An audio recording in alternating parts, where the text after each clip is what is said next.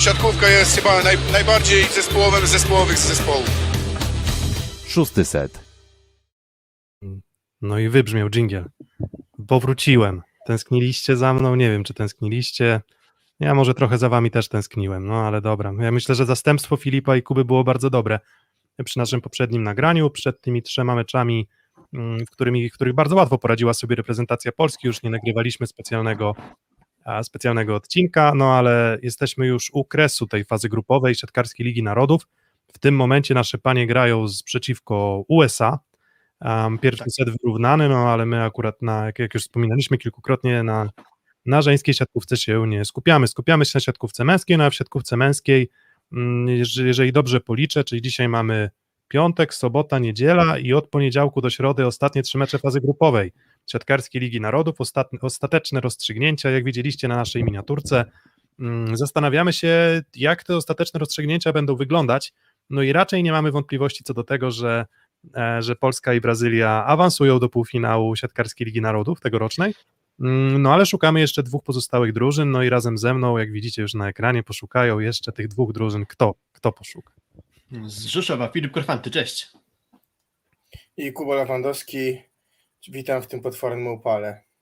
Właśnie, te temperatury faktycznie gorące, no i ta atmosfera końcówki Ligi Narodów gorąca, atmosfera wokół kadry piłkarskiej również gorąca. Mm, No ale cóż, my na szczęście mamy troszeczkę lepsze wieści niż jeżeli chodzi o Mistrzostwa Europy w piłce nożnej. My będziemy rozmawiać jednak o drużynie, która mm, no raczej nie jest, jak tam użyliście tego porównania w poprzednim odcinku, że Holandia w siatkówkę jest trochę jak Polska w, e, w piłkę nożną, tak? Czyli Abdelaziz Nimir, czy też Robert Lewandowski, no i reszta koszulek. E, No ale my jesteśmy jednak w siatkówkę troszeczkę lepsi, no i jesteśmy na tyle dobrzy, że, no, że jesteśmy bardzo blisko tego awansu. No ale zanim przejdziemy do tych trzech spotkań, które, które jeszcze przed nami, mm, spotkania z Argentyną, Iranem i Francją, chyba w takiej kolejności W takiej właśnie. kolejności, dokładnie. A no to, no to co? No to chwila o tych y, wydarzeniach, tak? Nie nagrywaliśmy przed trzema spotkaniami, na Twitterze się śmieliśmy, że w zasadzie o czym tu gadać, jak przecież oni nic nie grają i ich ogolimy. No to ogoliliśmy i, i, no, i, no i co? Jak, jak się wam to strzyżenie owieczek podobało w wykonaniu naszej kadry? No właśnie, poszło wszystko gładko, łatwo i przyjemnie. Już właściwie niewiele z tych spotkań pamiętam, także, także tutaj nie za bardzo myślę, że będziemy się produkować. Myślę, że też te mecze nie za wiele mogły powiedzieć Witalowi Hejnenowi. Plus jest taki, że grając z Bułgarią, chociażby od tego meczu, w którym my, my z nimi właśnie graliśmy i później wszyscy kolejni rywale mają to ułatwienie, że kontuzji jakiejś mięśniowej doznał Svetan Sokołowi około 20 dni ponad przerwy go czeka, więc mają rywale trochę ułatwione mm, zadanie, także no tutaj z Rado Paraponowem na ataku Bułgaria jest na pewno innym zespołem, aniżeli ten najbardziej e, Czyli co? Czyli, czyli doświadczony. Bułgaria, Bułgaria bez Sokołowa, jak reprezentacja Polski po kontuzji Roberta, tak? Mm, Tak, tak. Przy czym Svetan Sokołow nie grał z Arm- Andorą, tylko Dobra, wiem, dobra. tak się- Myślę, że nie, zakręcamy się w tych porównaniach, może naprawdę piłkę nożną zostawmy na boku, bo wystarczająco dużo stresów mieliśmy. Ja Kuba, jak Ci przemyśl- podobały, jakiś wniosek, bo Ty miałeś przedtem chyba na naszym Messengerze chyba ciekawe porównanie. Nie no, w sensie to jest trochę... Się wychowaliśmy się na meczach, kiedy gdzieś pamiętam Spodek, Polska-Grecja, Krzysztof Ignaczek na ataku, na przyjęciu, 5 setów, Polska-Hiszpania 5 setów, te rywalizacje z Portugalią o Igrzyska. A teraz jest trochę tak, że mecze Polski poza gdzieś tam, nie wiem, top 5 światowym ogląda się średnio pod takim kątem, że rywale odpuszczają. Wys- Wystawiają drugi skład. Na starcie odejmują sobie 3 punkty. Dziwne jest to, że my zagraliśmy 12 spotkań. Ale my ze Słowenią też odpuściliśmy. No tak, Jak się miał poczuć Alberto Giuliani. No wiesz, jest potężnym trenerem z Plus Ligi. Ja bym chciał, żeby się spotkali w Final Four ze Słowenią i w końcu wyjaśnili, bo to myślę, żeby wszystkim dobrze zrobiło. Eee, A jeżeli chodzi o, o to, co się dzieje teraz, no to panowie, 12 meczy, 39 setów. Nie zagraliśmy ani jednego tiebreaka, zagraliśmy trzy, dwa razy, sorry, trzy razy mecze czterosetowe. Godzina 15 to jest i każdy mecz tyle trwa, tak? Czy wygrany, czy przegrany, więc y, Mam tak, mamy bilans setów straconych 8 dokładnie, czyli przegraliśmy dwa mecze, to już daje 6 setów straconych, czyli w pozostałych Tak. meczach, lekko licząc 10 spotkań, przegraliśmy łącznie dwa sety. Jeden z Rosją i jeden z, Serbia. mm, z Serbią, tak, na początku zaraz. Mhm. Tak, Ja no, i, no, i tak trzy, no i trzy z Brazylią. No i właśnie, kurczę, o tym meczu nie, nie rozmawialiście, prawda? Mm, bo wy nagrywaliście Tak, o jeszcze. tym przy- meczu nie rozmawialiśmy, a to w sumie był do tej pory nasz najpoważniejszy e, przeciwnik, więc tutaj... No i właśnie, niepokoi, niepokoi was to, co zobaczyliście, że, że, że, że w sumie w takim składzie, może nie optymalnym, no ale, ale no zbliżonym do optymalnego już. e, już, już Znaczy, trochę brakowało, brakowało Leona, brakowało Kubiaka, tak? E, Nie, Leona, Kur, Kurka i Wojtaszka, i Mhm. Zatorskiego, bo grał Wojtaszek, grał na ataku Kaszmarek, no i grał Semeniuk w parze z Kubiakiem. Czyli Dobra, to brakowało nam Leona, Kurka i, składy mieszają i- i- składy. i no, Nowakowskiego, no właśnie, czyli Ale my taki wyszliśmy nie na de ten mecz facto jak na sparring. pierwszym. Wyśmy wyszli na ten mecz jak na sparring, a Brazylijczycy wyszli naładowani jak kabanosy na ten mecz. Widać było jak tam Carlos Szwankę gwizdał, kibicował i żeby to wygrali. Pewnie do tego było Wolasi, Wolasi tam pozamiatał. pozamiatał. Raz pamiętał i myślę, że dla nich to był taki mecz, jak dla nas będzie ze Słowenią, żeby wiesz, w końcu sobie gdzieś tam ten bilans poprzednich spotkań po prostu poprawić. Moim zdaniem to miało taki wpływ dla Brazylii i się udało. No i grali na galowo, trzeba podkreślić, oprócz Lukasa, którego na razie nadal w Rimini jeszcze nie ma. Wszyscy pozostali to podstawowy skład, no i, i rewelacyjny mecz y, właśnie Wallasa.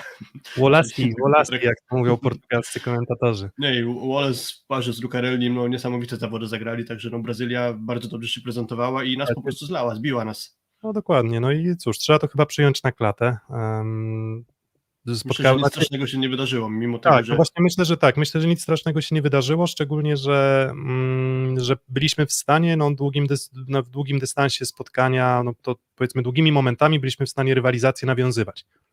I to w składzie jednak dość eksperymentalnym, nie w tym naszym składzie galowym. Mm, No więc jeżeli przyjmiemy to za dobrą monetę, no to faktycznie nie ma, nie ma czym się przejmować. Mm, A przewaga psychologiczna, to myślę, że przewaga psychologiczna to się może pojawić, jak faktycznie zagramy w półfinałach, bądź w finale przeciwko Brazylii, no i wtedy faktycznie już się spodziewam galowych, galowych składów, mm, również i u nas, no i wtedy spodziewam się już takiego ładunku emocjonalnego wyższego.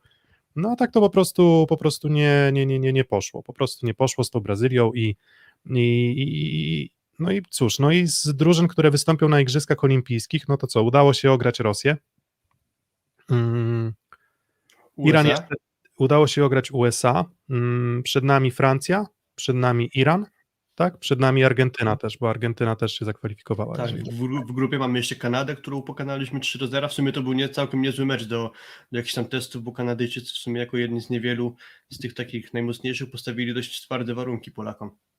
Tak, to chyba tak, najlepszy ten, najlepszy Nicolas Hawk, jakiego widziałem od dłuższego czasu, fakt, że on trochę zniknął z tych radarów, no ale, ale, ale ta Kanada wyglądała faktycznie dobrze. Mm, No to jakie wnioski? No bo te sześć spotkań mamy do omówienia, no to jakbyście mieli jakąś klamrą to spiąć. Widać, że zdecydowanie Vital Heinen już, mm, już nie rotuje w każdym oddzielnym meczu, tylko w ostatnich trzech spotkaniach już mieliśmy dwa razy taki skład, o którym można byłoby powiedzieć, że jest wyjściowym. No bo trudno jest wskazywać na, nie wiem, układ hierarchii na środku siatki. Nie wiemy, czy wyżej jest Mateusz Bieniek na przykład, czy Kuba Kochanowski, czy, czy Piotrek Nowakowski, tak, bo tutaj myślę, że są to trzej gracze na wysokim, zbliżonym poziomie, ale jeżeli chodzi o, o parę drzyzga kurek, jeżeli chodzi o zestawienie przyjęcia, no to już chyba Vital zgodnie z obietnicą tro, coś tam zaczyna, e, coś tam zaczyna tych naszych zawodników zgrywać, bo jak do tej pory to, to trochę pomieszanie z, poplant, z poplątaniem, przy czym to pomieszanie z poplątaniem też uważam, że jakiś tam sens miało, bo, mm, bo, bo w ten sposób Vital był w stanie sobie gdzieś tam testować zawodników w różnych sytuacjach boiskowych z różnymi partnerami, czy na libero można było sprawdzić, czy przyjmujący to przyjmuje dobrze, dlatego że ma obok siebie Zatorskiego, czy tak, tak samo dobrze będzie przyjmował w sytuacji, gdy będzie miał Wojtaszka, więc myślę, że trochę sensu w tych, w tych działaniach Heinena e, było, no ale już coś się krystalizuje, chyba, chyba, bo, bo co, co, co Vital ma w głowie, to ja nie wiem. No tak, pytanie było, jakie wnioski? No to moim zdaniem jedyny wniosek jest taki, że właśnie prawdopodobnie 24 lipca wychodzimy w Tokio na Iran, to będzie nasz pierwszy mecz otwierający igrzyska dla nas. No i taka szóstka jak była w tym meczu z Kanadą najpierw, a potem w tym e, wczorajszym z Niemcami, to bardzo możliwe, że wyjdzie taka sama. To mi się wydaje, że już jest pewien taki e, sekret odkryty przez e, Vitala. No i w zależności od tego jeszcze kto będzie na środku, bo tam może Mateusz Bieniek wskoczyć do szóstki. E, Reszta moim zdaniem zawodników to będzie właśnie ta galowa e, kadra Heinena. Tylko o ile pewne szóstki, pierwsze szóstki możemy być w miarę pewni, tam raczej nic się nie zmieniało wraz z biegiem Ligi Narodów, no to bardziej mnie ciekawi, czy coś wam się wykrystalizowało co do na przykład pozycji atakującego, albo czy w ogóle macie jeszcze jakieś wątpliwości co do tego, jak będzie wyglądał nasz skład na Tokio właśnie, y, czyli te pozostałe pozycje poza wyjściową szóstką. Kuba, masz jakąś już koncepcję? nie wiem, czy te mecze cokolwiek dają z tymi samymi rywalami, tak naprawdę, bo jeżeli grać na poziomie zawodników niższych niż w naszej lidze i to z zespołów najsłabszych, to pytanie, czy mecze coś w ogóle dają, że zobaczyć liczbę ok. Ja mam wrażenie, że widać, kto będzie jechał po tym, jakim jest treningu, bo moim zdaniem to nie jest tak, że Piotr Nowakowski jest słaby, tylko po prostu Piotr Nowakowski jest w takim innym trybie przygotowań niż Norbert Huber. Zupełnie inaczej trenuje, ma zupełnie moim zdaniem inny mikrocykl. Nie na No to, jeszcze żeby... niedawno kontuzja. No dokładnie i myślę, że podobnie jest z wieloma innymi zawodnikami na przyjęciu na przykład, e, że zupełnie inny mikrocykl ma Fornal, a inny ma Kubiak i to oczywiście wynika z wieku, z obciążeń, ale wynika też moim zdaniem z zupełnie innych założeń. Myślę, że tutaj Piotrek pisał o tym, że Witel patrzy na liczby i na pewno patrzy na liczby, ale my musimy też patrzeć na to realnie, kto nas czeka na, na samej górze, bo grupa to nie jest nasz problem w ogóle. To jest paradoksalnie trudny sezon, bo to jest sezon, w którym przygotowujemy się na trzy mecze. To jest trochę sytuacja jak na turniej kwalifikacyjny do Igrzysk. Też przygotowujesz wszystko na trzy najważniejsze mecze w roku.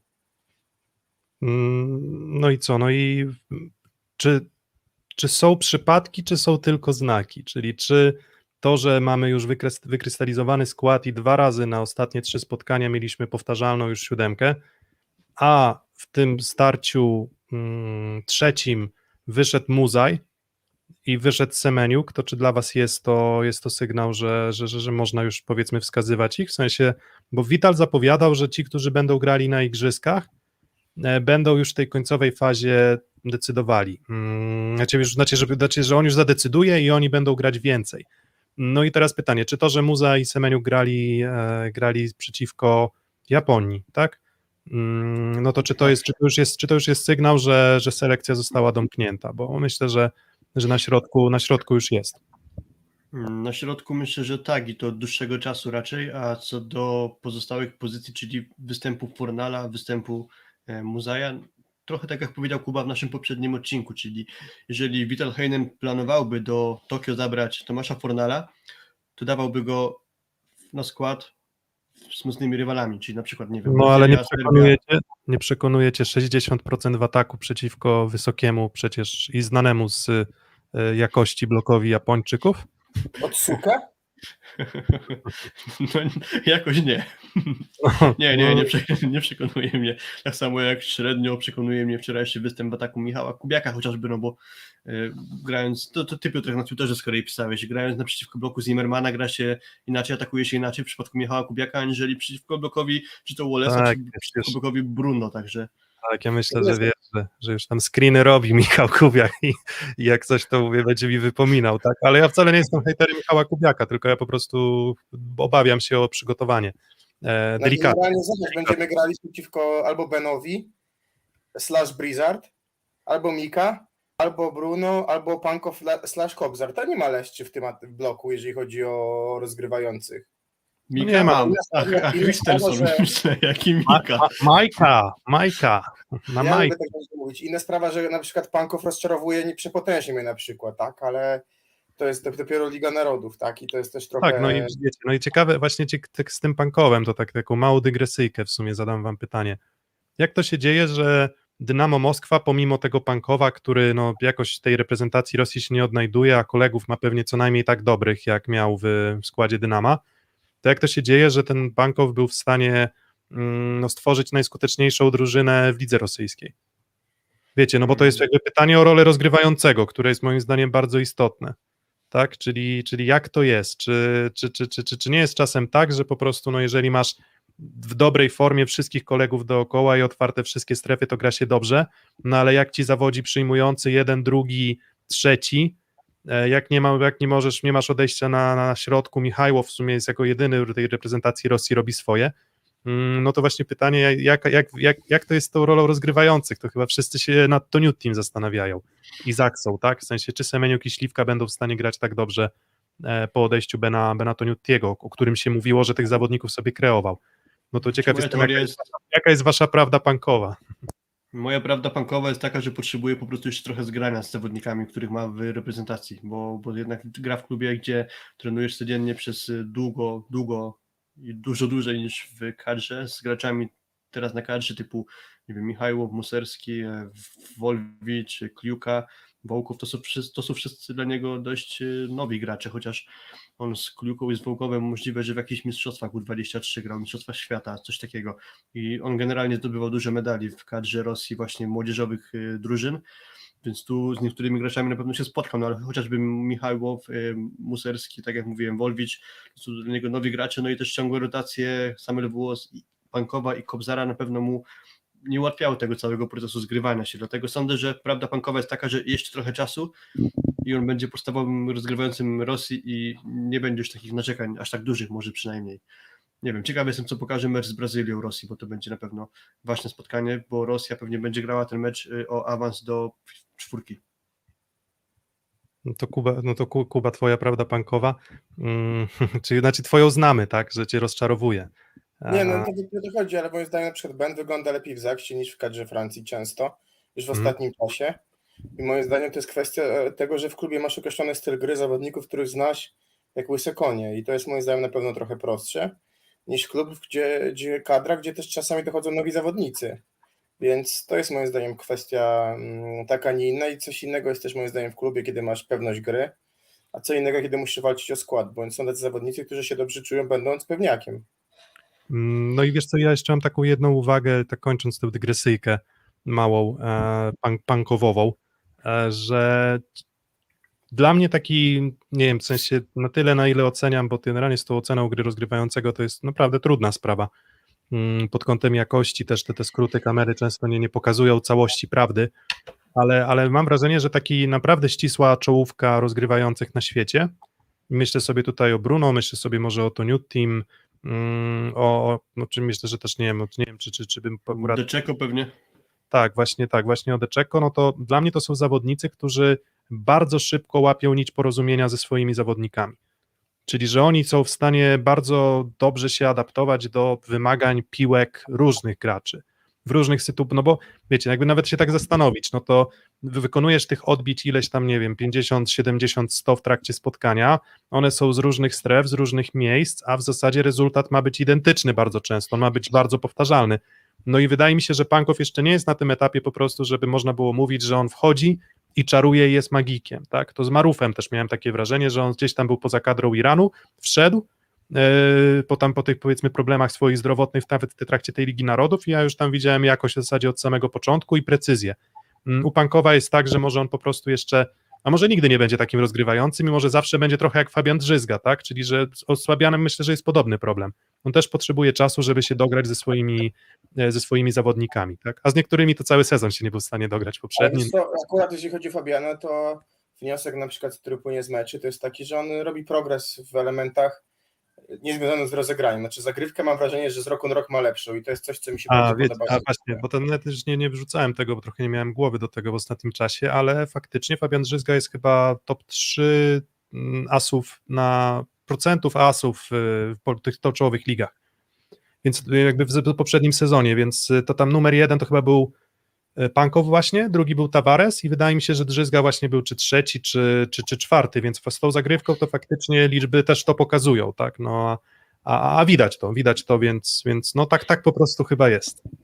Przy czym jak ktoś jeszcze w temacie Pankowa, jak ktoś go śledził wcześniej, jeszcze w jakichś młodzieżowych rozgrywkach, to często się przewijały właśnie jego narzekania i mówienie coś, e, narzekania na niego i mówienie coś w stylu, że akurat rozegranie jest jego najsłabszym punktem, ale, no ale z drugiej strony on jest młody, cały czas się rozwija i pewnie też jego element rozegrania też e, się rozwija i to, że on doprowadził Dynamo do potrójnej korony, to mi się przypomina wypowiedź Kuby Bednaruka, który był chyba u nas gościem wtedy akurat w szóstym secie. On powiedział, że no, jak wybrać najlepszego rozgrywającego, no to popatrzmy na tych, którzy doprowadzają swoje zespoły do wygranych.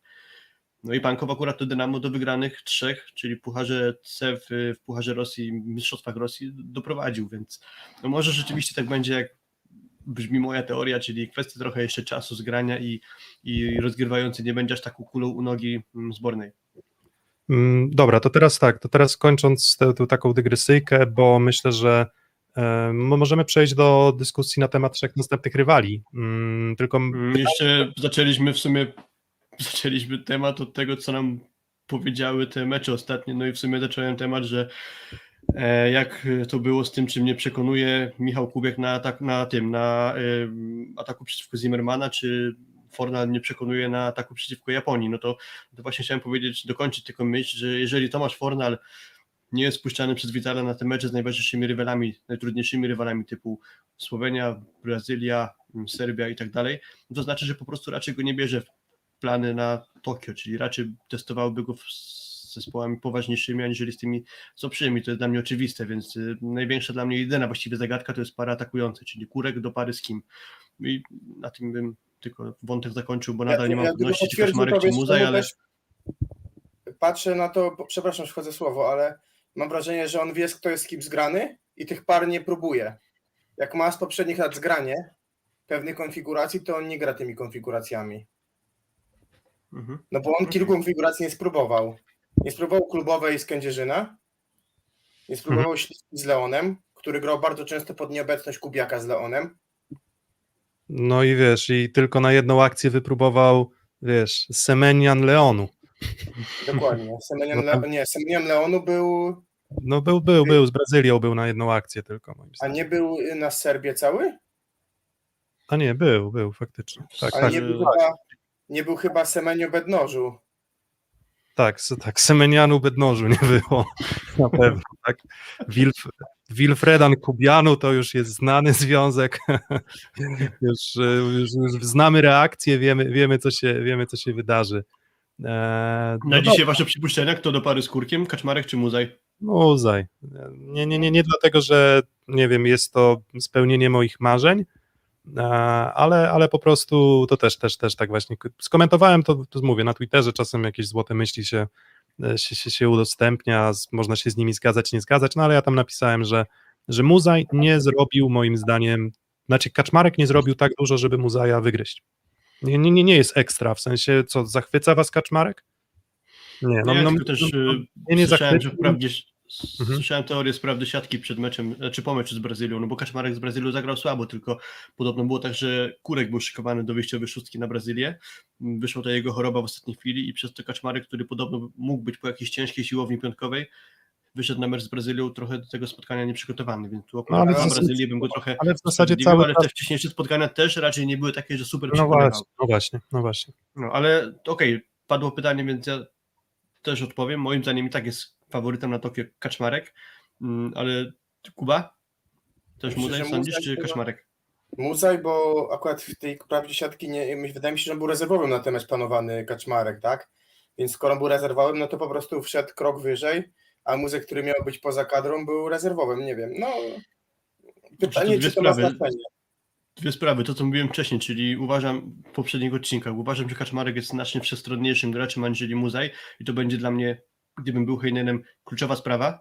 A druga sprawa jest taka, że czy ten mecz z Japonią i występ Muzaja coś nam mówi. Może niekoniecznie wystawienie Muzaja w meczu z Japonią przesądza o tym, że to on jest teraz faworytem dla Vitala, bo w poprzednim trójmeczu dwa razy grał Kaczmarek, a Muzaj No nie tak, grał w ogóle. okej. To się zgadza, natomiast zwróć uwagę na sytuację, w której jednak Kaczmarek przeszedł szlak bojowy większy, tak? Bo to on grał w kwalifikacjach z, z, ze Słowenią i Francją. On grał na Euro jako pierwszy. yy, Muz, że- Muzej, tak, tak, muzej, jakby przed tak, tak, tak. Konarskim. Więc wydaje mi się, że tutaj pytanie, na ile będzie decydowała forma tego sezonu, a na ile trochę przetarcie bojowe, jeżeli chodzi o rezerwowych.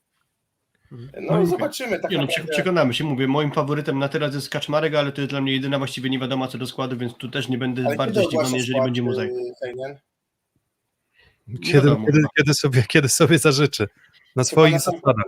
tak? Ja zakładam, że do końca Ligi Narodów nie ustala składu, tak rozumiem. Wiesz, dla mnie, wiesz, jeszcze, jeszcze mówię, jakby to, jakby oddzielmy to, co i my uważamy, że powinno się wydarzyć albo że powinno być lepszym wariantem dla reprezentacji, od tego, co Vital Heinen, jak od tego, jaką decyzję podejmie Vital Heinen. No i, i, i jakby ja nie mówię o tym, czy Kaczmarek by mi bardziej pasował, czy nie, no bo mm, z Muzajem mam, mam wrażenie, że okej, mam, widz- znalazłem, jest atut Muzaja moim zdaniem, jeden te, też, tak, A jak się tak zastanawiałem nad ustawieniami, mm, to wydaje mi się, że Kaczmarek jednak jest troszkę słabszy, jeżeli chodzi o ataki z drugiej linii.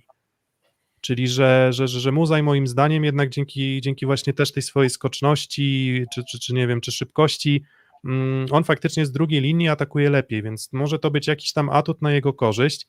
E, Kaczmarek, zwróćcie uwagę, co też mówiliśmy w Plus Lidze e, w poprzednim sezonie, gdzieś tam jak liczyliśmy te, te, te cyferki i tak dalej, i tak dalej, że mm, Kaczmarek był najmniej obciążonym atakującym ligi. Z jakiegoś powodu, tak? Był najskuteczniejszym chyba, ale jednocześnie dostawał piłek najmniej, bo od czyszczenia śmieci był Semeniuk i, i Śliwka, tak, przede wszystkim. I to teraz pytanie, który zawodników bardziej by się wpasowywał do takiego układu, w którym będziemy mieli Wilfredo Leona w dobrej formie, no bo to chyba taką, tak, tak, tak, tak, tak zakładamy. I to on będzie miał czyścić śmieci, on, no i nie wiem, Michał Kubiak. No to wtedy pytanie właśnie, czy, czy, czy ta taka, no bo Muzaj dobrze wygląda na lotnym bloku, w sensie uważam, że to jest jego atut, w sensie gdy Drzyzga zagra mu piłkę na nalotny blok, no to on w zasadzie dzięki zasięgowi jest w stanie po prostu piłkę skierować w odpowiednie miejsce i ma dość duży komfort, dość dużą swobodę, swobodę ataku. On już udowadniał w y, tych właśnie o tych meczach, o których ty Kuba mówiłeś, on udowadniał, że on to, z tą rolą trzeciego na przykład czasem y, punktującego w, ze skrzydeł się jest, dobrze się spisuje, tak, znaczy przyzwoicie. Mm, Natomiast no, on jednak ma też coś takiego, że grał takie mecze, w których zdarzało mu się jeszcze w Treflu Gdańsk na przykład, czy w lidze rosyjskiej atakować po 40-50 razy, no i on też był w stanie to udźwignąć, tak, więc teoretycznie tutaj właśnie jest atut, y, atut Muzaja, czyli to, że on jest po prostu przyzwyczajony do tego, żeby atakować więcej, no i ta, no i ta, ta, ta druga linia, tak, ale mm, wiecie, ja myślę, że to, to, to już nie ma znaczenia, w sensie, że, że tam to, czy Kaczmarek ma lepszy blok, czy zagrywkę i tak dalej, to, to wydaje mi się, że to już nie ma znaczenia, no ja zakładam, że jedzie Muzaj, o, o, o, o ja tak zakładam. Kurek dla mnie o tyle ma znaczenie, że bardziej by pasował jako zmiennik zadaniowy, czyli raczej jeżeli będzie potrzebował zmiany na zagrywkę, to prędzej bym wpuścił Kaczmarka, aniżeli Muzaja i tak samo byłoby z blokiem, więc raczej zakładam, że głównie na te najważniejsze mecze typu ćwierćfinał Igrzysk będzie grał Kurek w szóstce, a ten drugi atakujący będzie takim chwilowym rozwiązaniem na daną jedną akcję powiedzmy. Mm, No, no to dobra, no to środkowi chyba już z Bieniek, Kochanowski i Nowakowski, nie spodziewam się tutaj rewolucji. Mm, Nie wiem, czy tam się panowie wszyscy ze sobą kochają, ale, ale oni mają po prostu grać na boisku dobrze, bo tam nie wiem, czy pamiętacie, tak były takie mecze, jak iskrzyło trochę na skra z Zaksą. Pamiętacie, jak tam Kochanowski czapa na Bieńku, Bieniek czapa na Kochanowskim i tak dalej, no to coś tam może, nie wiem, tam miałem wrażenie, że coś tam może delikatnie, delikatnie iskrzyło. No ale tak jak mówię, no na końcu oni mają wyjść na boisko i prezentować się dobrze jako, e, jako drużyna. No to co, no to co, mm, no to co, no to co. Polscy rywale, w sensie rywale Polaków, e, polscy rywale, ale strasznie się dzisiaj jakiś taki jestem rozkojarzony. Najbliżsi ale rywale Polaków, czyli trzy Tak. ostatnie reprezentacje, z którymi mamy się zmierzyć i o to będzie się teraz rozstrzygać e, sprawa, czyli gramy Tak. w Final. Four Ligi Narodów? Moim zdaniem gramy. Brazylia też gra. Pytanie, Gramy. kto uzupełni dwa pozostałe miejsca. Dokładnie, no i gramy, no i gramy i jeszcze mamy do rozegrania te trzy mecze faktycznie. Mm, No i Argentyna, Mm, Argentyna rozgrywającymi stoi. Mm, De Checo, Uriarte, no i ten niewysoki magik Matias Sanchez, e, trzech zawodników, no i na środku też jest dobrze, tak, w sensie myślę, że trudno jest mieć duże zastrzeżenia do, do obsady, gdzie no jednak mamy Agustina Losera, też niewysoki, trochę taki Kuba Kochanowski, chyba tak można byłoby go przyrównać, Sebastian Sole i Martin Ramos. Pablo Krer zakończył karierę reprezentacyjną, co dla mnie było odrobinę szokujące, no ale podejrzewam, że wiąże się to z tym, że po prostu Marcelo Mendes mm, wyrzucił go z kadry na igrzyska.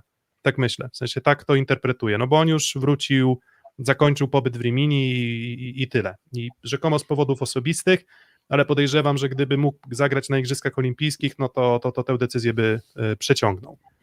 Jest to trochę, muszę powiedzieć, zaskakujące, bo to bardzo doświadczony gracz i od dawna go właściwie kojarzę. Zawsze niemal jak kojarzę Argentynę, to Pablo Carrer już w tej kadrze się znajdował i taka decyzja na moment przed igrzyskami zdziwiła mnie bardzo. Pewnie faktycznie tak było, że Marcelo Mendes dawał mu sygnały, że jednak z jakiegoś powodu cię w tokie nie widzę, więc Pablo Carrer uznał, że nie ma sensu e, tutaj dalej tracić czasu i z Rimini się e, zwinął. Mm, Jest Agustin Lozer, Sebastian Sole, to pewnie będzie podstawowa para wspierana przez Marcina Ramosa. Jest trochę problemem Argentyny od lat po pozycji atakującego. Marcin Ramos czasem był próbowany na ataku, więc może z braku gdzieś tam czasem e, skuteczniejszego, skuteczniejszego ataku, atakującego właśnie może Marcin Ramos z kolei będzie grał na prawym skrzydle i stąd taka, a nie inna decyzja Marcelo mm, Mendeza. Ja pamiętam 2011 rok, e, Final Four Ligi wtedy Światowej w Gdańsku w Ergo Arenie i nasz mecz o trzecie miejsce 3 do 0 z Argentyną, pierwszy medal i wtedy na środku nieśmiertelni Sole i Krer, jeszcze wtedy młodzi, bo to 10 lat temu i przez wiele lat ten duet dominował, a tutaj wszedł młody loser, są jego fani też w Polsce, duzi. E, Ciekawe jak ten chłopak się pokazałby w lidze silniejszej, bo chyba z tego No, co... w lidze, w lidze francuskiej był, był no, no bardzo wyróżniającą się postacią. Kozak. No, był był, był No. kozakiem, no ale to tylko Liga Francuska, no to taki powiedzmy Romienko też był kozakiem. Taylor Averill też w sumie, a na igrzyska nie jedzie, prawda, więc No e, w barwach, barwach Stanów. No ale tak, to faktycznie, faktycznie jest to gwiazdka, tak, jakby no nie, nie ma co mówić, Agustin Loser może trochę na przekór wszystkim udowodnić, podobnie jak Kuba Kochanowski, tak, że timing, dynamika, Szybka gdzieś ręka. właśnie ta, ta szybka ręka, zwrotność potrafią, pozwalają grać na, na, na, na tym poziomie najwyższym, będąc środkowym no poniżej no, dwóch metrów i w przypadku Losera to tak chyba dość znacząco, bo tam nie wiem, 195, Trzy. 193, 193 teraz Tak, sprawdziłem według oficjalnych danych. no właśnie, więc, y, więc jasne, no nie ma co się tylko przywiązywać do tych liczb, y, tych, tych, tych nie wiem, dwóch, czy trzech, czy czterech centymetrów na krzyż, no ale mm, no ale centymetry mają znaczenie, wink, wink. Głupi, głupi, głupi żart. I mówię, to a- atakujący to jest problem odwieczny i jak widzę tego Federico Pereira, to mam wrażenie, że wiecie, on mi się kojarzy z takimi defensywnymi napastnikami, bo tak już piłka nożna, to, to ich będzie ta piłka nożna, czyli tacy zawodnicy, którzy no niby atakujący, a, a- w zasadzie tych piłek on zazwyczaj nie dostaje dużo i samo to, że on w tej kadrze jest, myślę, że nie świadczy zbyt dobrze o tym, jakie rezerwy mają na pozycji atakujących. Tam pamiętam, że chyba e, Iwan Castellani też, to, to miała być jakaś tam nadzieja Argentyńczyków na, na, na, na obsadę pozycji atakujących, no ale on na razie nie, nie dowodzi. W 2011 roku właśnie parę atakujących Argentyny w Lidze Światowej stanowili m.in. właśnie Federico Pereira i, i Iwan Castellani, ale to Wystarczy też wspomnieć, ma, dużo mówi, że 10 lat minęło, a Federico Pereira dalej się po tej kadrze chrząta.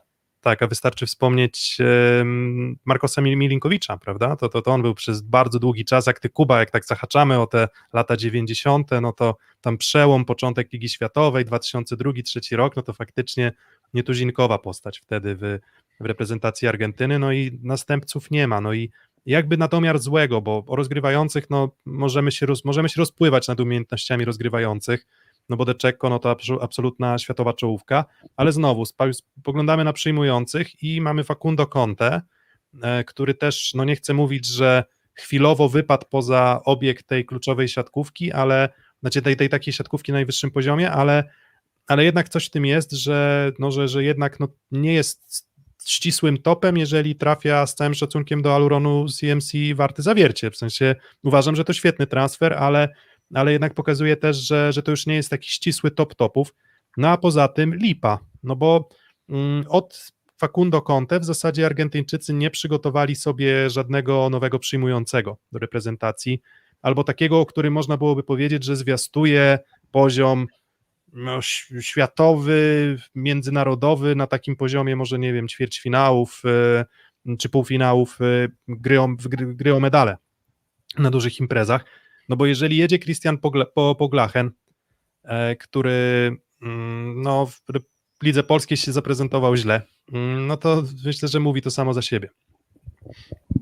Dokładnie i tak samo z Ezekielem Palaciosem, który w sumie Olsztyn jakoś bardzo też nie Pala. Palacios, Palacios, Palacios. Tak, tak, tak, tak. Tak, dokładnie. No i mamy tego Facundo Conte i sześciu innych przyjmujących, z których żaden nie wydaje się być żadnym pewniakiem. Okej, na pewno wśród tej grupy są zawodnicy jeszcze z potencjałem na rozwój, ale to na pewno nastąpi za jakiś czas. Na Tokio na pewno poziomu Conte nie sięgnął. Mówię tu chociażby o Palońskim czy o Janie Martinezie, którzy się mogą jeszcze trochę rozwinąć, ale to nie jest ten czas. Yy, Dlatego, no okej, mówiliśmy przy tym o ataku, trochę brakuje atakującego, który mógłby wejść w buty tego dawnego Milinkowicza, no bo dość powiedzieć, że z Argentyną przegraliśmy na Mistrzostwach Świata w 2018 roku po tiebreaku. To był ten tiebreak, gdzie Julio Velasco tańczył taniec radości i y, uraczył nas gestem Kozakiewicza. No i w tamtym meczu na ataku grał, wyobraźcie sobie, Jose Luis González. Pamiętam, że tak, sobie rozkobiała. Więc Tak to też jest. dużo mówi o poziomie atakujących reprezentacji Argentyny, jeżeli jest debiutujący ponad 10 lat temu Federico Pereira i Bruno Lima, nazywany kiedyś talentem, ale mam wrażenie, że lata płyną, a jego rozwój nie za bardzo e, następuje. A my nie możemy się dopuścić, bo jest ryzyko takiego meczu jak wtedy z Argentyną, że myśmy tam popłynęli na tych jej ich fali latynoskiej, takiej te, te siatkówki dzikiej. Popłynęliśmy i się nie udało nam już skończyć, mimo że mieliśmy kilka piłek wtedy meczowych, więc to nie jest rywal mm, może trudny, z drugiej strony to jest rywal, któremu nie można się dać nakręcić, tak? No bo wiemy jak gra Conte na, na dużych emocjach, wiemy co potrafi Deczeko i teraz nawet mamy taką urywkę przecież z meczu z Serbią, tak? Jak on fantastycznie tam wystawił gdzieś, nie wiem, 7 metrów za boiskiem, minął, Wiązeczką jakoś tak. minął tak, minął oficjeli, co- kto tak, kogokolwiek kto tam nie siedzi. No i grał fantastycznie, więc generalnie ta drużyna jakiś tam potencjał ma, natomiast wydaje mi się tutaj, że mm, są takie mecze, w których tak naprawdę my decydujemy o, my decydujemy o tym, jak to będzie, tak? Połamanie, sorry, połamanie ich zagrywką jest chyba tutaj clue. No dokładnie. W sensie, akurat zagrywka jest naszym atutem od początku Ligi Narodów i w zasadzie w każdym Dobrze. zestawieniu personalnym. Mm, Więc, więc złamanie ich w przyjęciu i, i, no i ani nie masz odejścia na środku, ani nie masz mocnych skrzydeł, no i w zasadzie czego, jak, jakby De Cecco czy Uriarte nie próbowali szyć, to moim zdaniem po prostu ze słabego przyjęcia Argentyna nie uszyje, więc, e, więc złamać... Z tego przyjęcia Salmon nie naleje. Mm, Tak, dokładnie. dokładnie, dokładnie. No i a propos tego jeszcze przyjęcia, no to przypominały mi się słowa Julio Velasco, który narzekał, że w Argentynie brakuje skrzydłowych, szerszego spektrum skrzydłowych o wysokim wzroście. No i jak sobie przeglądałem składy, to przy okazji popadłem na taką ciekawostkę, że Argentyna, ta kadra Argentyny na obecną Ligę Narodów ma najmniej graczy powyżej 195 cm wzrostu, zaraz po Japonii. Japonia jest najgorsza, mając tylko czterech, powyżej 195 cm, Argentyna ma 8 i to jest druga od końca drużyna pod tym względem. A ciekawe, czy to, ciekawe, czy to ma potwierdzenie w na przykład średniej wzrostu. W sensie, czy, czy, czy faktycznie jakbyśmy, okazałoby się, że Argentyńczycy jako naród po prostu są niewysocy, bo oni tak raczej mi się kojarzą z takimi bardziej Maradona, Messi, prawda? Krępi, krępi i niewysocy niż, niż, niż, niż, niż giganci, tak? No to tak jak z Japończy, Japończycy też, no przecież raczej, raczej niewysocy jako nacja, tak? Gdzie, gdzie tam 180 czy 190 centymetrów białego człowieka może wzbudzić tam naprawdę duże zainteresowanie w środkach komunikacji publicznej. Tak. Okej, podsumowując może Albi Celestes, czyli tak, światowej sławy rozgrywający, solidny Facundo Conte, albo może nawet więcej niż solidny, fajny środek, libero, znana postać Alexis Gonzalez zakończył już karierę, będzie Santiago Donani, który jest łączony między innymi z Trentino, ale pewnie tam nie trafi, w każdym razie bardzo dobry libero, no ale główny problem to są ci skrzydłowi i, i to pewnie ogranicza właśnie tę drużynę. Chociaż Typy? 3-0. Mm, 3 do 0 niech będzie. Nie, no, też, też myślę, też myślę, że trzy punkty, trzy punkty na pewno, a tam nie, nie wiemy jeszcze, jaki, jaki będzie zestawienie personalne, ale A, no i jeszcze oczywiście musimy wspomnieć o tym, że Argentyńczycy przylecieli do Rimini w dziewiątkę, bo tam ich sponiewierał koronawirus, a właściwie tam y, te testy pozytywne trzech graczy, w efekcie nie przyleciało ich jeszcze kilku kolejnych, więc zaczęli, no i turniej, to- tak, tak, tak, tak, mów, mów. No. za- zaczęli turniej w dziewiątkę, trzy pierwsze mecze przegrali z zespołami tam z Ameryk Południowej, Północnej, czyli z Kanadą, Brazylią i USA zdaje się. Potem już przyszły lepsze wyniki, wygrali dotąd trzech spotkań. Dołączyło y, kilku kolejnych graczy i na końcu tych trzech, którzy już mieli pozytywny wynik, zyskali negatywny, weszli do bańki w Rimini, po czym się okazało, że doszło prawdopodobnie do jakiegoś nieporozumienia. Ci gracze zbyt wcześnie w hotelu skończy, skończyli kwarantannę i zostali na dwa mecze przez y, FVB zawieszeni. Na te mecze z Japonią i Australią, ale i tak Argentyna sobie bez tych trzech zawieszonych y, poradziła, teraz już są w komplecie, no ale jednak mocno mm, tam pokombinowane były te treningi i przygotowania na pewno Argentyńczyków, więc Tak, natomiast na, na, na, na, na pewno można o nich powiedzieć, że są drużyną powiedzmy na fali wznoszącej, prawda? A, czyli jak już się wygrzebali Ograna Serbii 3 do 0 ostatnio. Tak, tak. W tym. mm, No, no, co, no co, no zwycięstwa może z rywalami nie z najwyższej półki, no ale nawet z tą reprezentacją Rosji 1 do 3 to też był mecz, który, który był całkiem wyrównany. Mm, No ale no, raczej Argentyny bać się nie, nie, nie, nie, nie powinniśmy, tak? To, to pytanie, czy powinniśmy bać się reprezentacji Iranu, tak? Iranu, która teraz będzie kolejnym No zaraz tak. naszym rywalem. Tak, no i zaraz grafika wiedzie, wiedzie grafika, już moment, udostępniamy, udostępniamy. Tym, czym, czym, czym, czym, czym, czym. Już, już, już, moment, moment, dajcie mi chwilę. Dobra, jest, już. 3, 2, 1, dobra. Jest.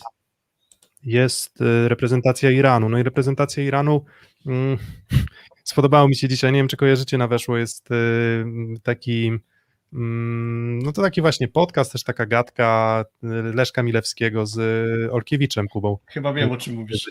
Tak, i, i spodobało mi się, tak, i, tak, i spodobało mi się mm, zadanie, powiedz coś o drużynie, nie mając o niej żadnego pojęcia. No i o Iranie można by powiedzieć, że to mieszanka młodości z doświadczeniem. Bo oni właśnie, właśnie takiego stwierdzenia, takiego stwierdzenia użyli, tak? A, no Tak, ale to, jeden, z, jeden z nich powiedział, że mieszanka y, rutyny z młodością, a drugi powiedział, że to jest siła kolektywu. Tak, dokładnie. No i siła tak, siła kolektywu, mocni, mocni, mocni zawodnicy, doświadczeni, e, ograni na parkietach światowych. Tam No, nie ma gwiazd. Tak, ale, ale, ale, ale bardzo dużo. Trener też nieznany, nie ma na koncie trzech mistrzostw świata. Nie, nie, to Tak. mówimy cały czas o tym nagraniu, o którym Piotrek mówił, bo to nie chodzi o Iran teraz akurat. Tak, Tam tak, trenerem teraz, nie byle kto. tak, teraz już tak trochę ten, trochę lekka, lekką szyderką tutaj wjeżdżamy.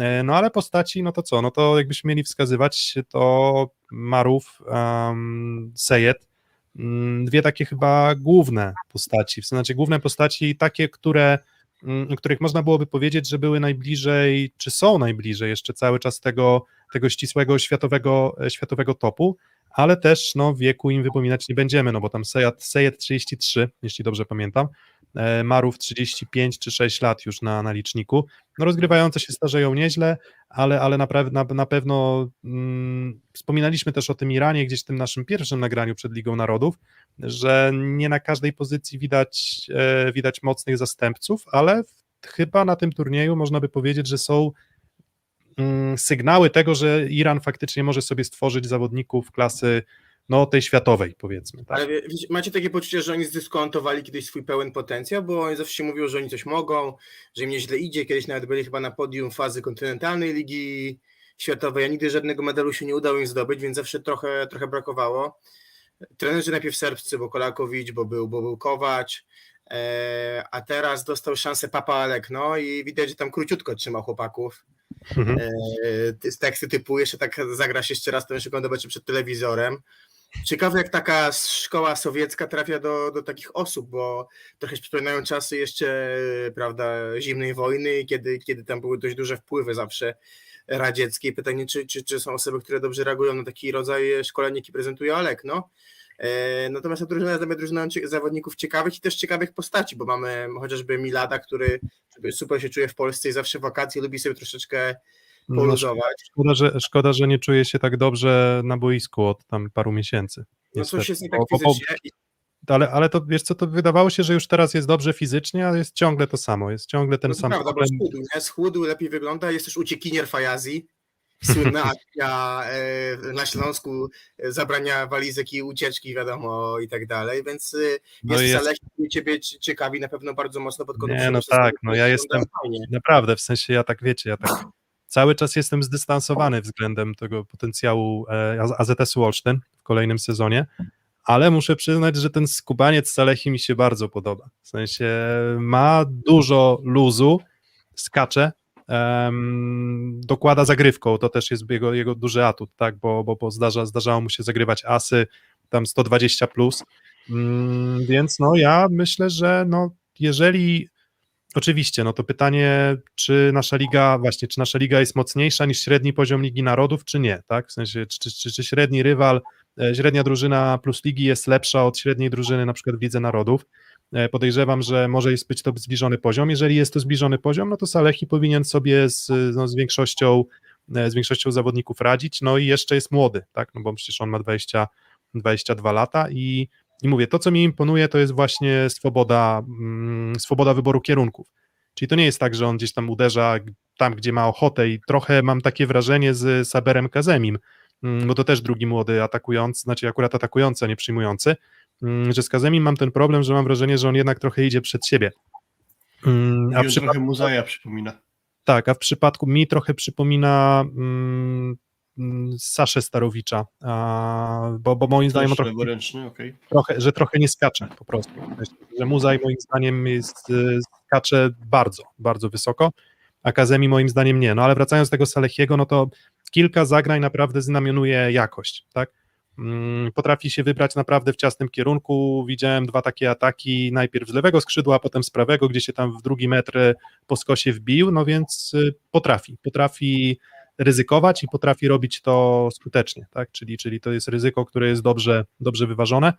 Mm, Superlatywy, superlatywy, ma trochę problem z przyjęciem, no ale nad tym jeszcze, jeszcze, jeszcze może popracować, a poza tym chyba wolę mieć zawodnika z bardzo dobrym atakiem i średnim przyjęciem, niż bardzo dobrym przyjęciem i średnim atakiem, mimo wszystko.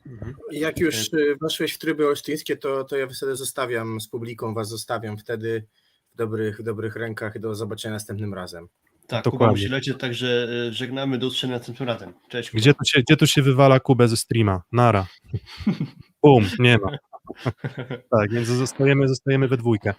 A, no właśnie, Malinowski jeszcze tutaj Arnasie na czacie podaje, no to faktycznie też, te, też, też, też ten Sadat y, y, przypomina. Nie, nie Sadat, Kazemi, przepraszam. Kazemi. Tak, No tak, ale Alek no otwarcie mówi właśnie, że bardzo podobają mu się to, jak ci, ci młodzi zawodnicy, którzy wchodzą właśnie do kadry Iranu, czy właśnie ten Salehi, czy właśnie Kazemi, czy Bardia Sadat, który jest jeszcze w ogóle dwa lata młodszy od Kazemiego. Yy, Swoją drogą to jest ciekawe, że są bardzo młodzi zawodnicy, a przez ludzi, z którymi rozmawiałem, uważani byli za dwójkę najlepszych graczy Ligi Irańskiej w minionym sezonie. Kazemi ponad najlepszy, zdobył tytuł mistrza Iranu, a Salehi właśnie drugi najlepszy gracz tamtej ligi. Są młodzi, na pewno ten potencjał rozwojowy jest. Na pewno gorzej będzie pod kątem rozgrywającego, czyli tutaj po Marufie nie za bardzo widać tego sensownego następcę. No ale co do potencjału Iranu, to może temat jeszcze na inną dyskusję. Póki co mamy z nimi mecz w, Tak, ale- wtorek. ale właśnie, jak oceniasz ich występy, bo, bo myślę, że, że, że jak na gdzieś może odrobinę przebudowany skład, to, mm, to jeszcze czasem brakuje wyrachowania, ale i, i, i trochę brakuje, trochę brakuje właśnie Badipura, który dużo gra, ale, ale og- ogólnie uważam, że Iran się prezentuje z dobrej strony na te, w tej Lidze Tak, Narodów. chociaż coś zagadkowego się z nimi wydarzyło, no bo tak, oni nie za dobrze zaczęli, bo przegrali dwa mecze, gdy jeszcze nie było Marufa, który był chory, po czym przyszła seria pięciu wygranych meczów i pięć kolejnych porażek. To jest trochę dziwne, bo nagle przegrali z Australią po tej breaku, gdzie mam wrażenie, że generalnie trochę im przestał funkcjonować atak. Więc tu, tutaj coś się zagadkowego na pewno wydarzyło. E, No ale na pewno jestem dość pozytywnie zaskoczony tym, co właśnie Irańczycy prezentują, bo tutaj zmiana trenera i te komplikacje tutaj, jakie tam przypadły, to wydawały mi się dosyć spore do przeskoczenia, a jednak wszystko się chyba całkiem dobrze poukładało. No jeśli mm, ch- chcieć wejść w ba- bardziej w szczegóły, no to tutaj podstawowa sprawa to komunikacja, czyli Władimir Alekno sam mówi o sobie, że nie za dobrze mówi po angielsku. Jak słyszymy na czasach, on mówi do graczy po rosyjsku. E, I to, co się udało tutaj wymyślić, to po prostu ściągnął sobie swojego z Rosji tłumacza, pan Maneli Kasraj. Mm, To jest trener taekwondo. Mm, Jego ojczyzna to jest Iran, a wychował się w Rosji, w Moskwie. W sumie panowie się dopiero osobiście spotkali na lotnisku przed lotem do Iranu przez wspólnego znajomego i od razu pan Kasraj powiedział, że nie będzie pobierał żadnych pieniędzy od Irańskiej Federacji ani od Władimira Alekno, tylko po prostu na igrzyska chciałby się e, udać, na tym mu zależy, no i chciałby Mhm. też pracować z Alekno, bo może się od niego na pewno dużo nauczyć, więc y, pracujący niemal charytatywnie pan tłumacz robi tam świetną robotę, bo gracze mm, potwierdzają, że jeśli chodzi o komunikację, to ta para Alekno i tłumacz to jest zdecydowanie coś lepszego aniżeli poprzednicy, czyli chociażby e, Kowacz czy, e, czy Kolakowicz. Mhm. Tam była taka zasada, że Irańczycy byli nauczeni takich podstawowych zwrotów po angielsku, no i przez to dużo w komunikacji uciekało, bo to jednak nie jest to samo, jeżeli słyszysz pewne rzeczy w swoim ojczystym, czy to, czyli to jest perskim języku. Więc tutaj ogromna rola właśnie pana Kasraja. E, No i inna sprawa jest taka, że nie za bardzo irańska federacja chciała się zgodzić na to, żeby on był na ławce z Alekno, czy to właśnie na Lidze Narodów, czy już w Tokio. Chodziło po prostu o to, że no, jest ograniczenie liczby osób, więc Iran straci pewnego asystenta, któregoś z asystentów, żeby tam mógł być tłumacz. No ale Alek no, twardo stanął, nas, postawił na swoim, powiedział, że w sumie to irański asystent mu nie za wiele pomoże z tego względu, że i tak decyzje po- podejmuje samodzielnie, więc y, jeżeli by to była współpraca na 3 lata na przykład, a nie na 3 miesiące, wtedy to ma sens wprowadzanie irańskiego asystenta. Jeżeli to 3 miesiące, a mniej więcej tyle potrwa praca Lekno, bo on po igrzyskach odchodzi, to jednak zdecydowanie więcej pomoże mu ten y, tłumacz. Także to jest taka historia i to może być duża zaleta tego Iranu Alekno względem poprzednich trenerów. Mm, No i tak, no i o, o, tłumaczu, o tłumaczu opowiedziałeś, w sumie też myślę, że, e, że, że ciekawa anegdota, no i nie, nie można nie wspomnieć też o tym, że te mecze Polski z Iranem jakoś tam właśnie są podgrzane zazwyczaj, więc bardzo jestem ciekaw też, czy, czy, czy Michał Kubiak zagra. E, no właśnie, to jeszcze mi się jedna rzecz przypomniała, bo pan tłumacz był zapytany e, w ogóle jak już się wdrożył w siatkówkę, czy tam poznał te wszystkie zwroty siatkarskie i tak dalej. Między innymi też zapytano go o to, czy wie, kto jest największym rywalem Iranu w siatkówce. I on odpowiedział, że Polska, z racji tego, że tam właśnie są różne scysje na linii tych dwóch narodów, e, czy tam siatkarzy konkretnie, że Tak, bo bardziej Michał Kubiak siatkarze chyba niż ten, bardziej siatkarze niż same narody, mam wrażenie. Tak, bardziej chyba chodzi właśnie konkretnie o siatkarzy, a nie, nie jest to tam rozszerzone na naród jako Polska kontra Chociaż, Iran, chociaż bo- pamiętam, że te mecze, te mecze wyjazdowe w Iranie, Ligi Narodów czy, czy Ligi Światowej potrafiły być no, bardzo gorące, bo tam ta Mhm, atmosfera dokładnie. dość, e, dość, dość, specy, dość specyficzna, no i ona na pewno nie sprzyjała temu, żeby, żeby te negatywne emocje załagodzić. No to co, tyle o Iranie.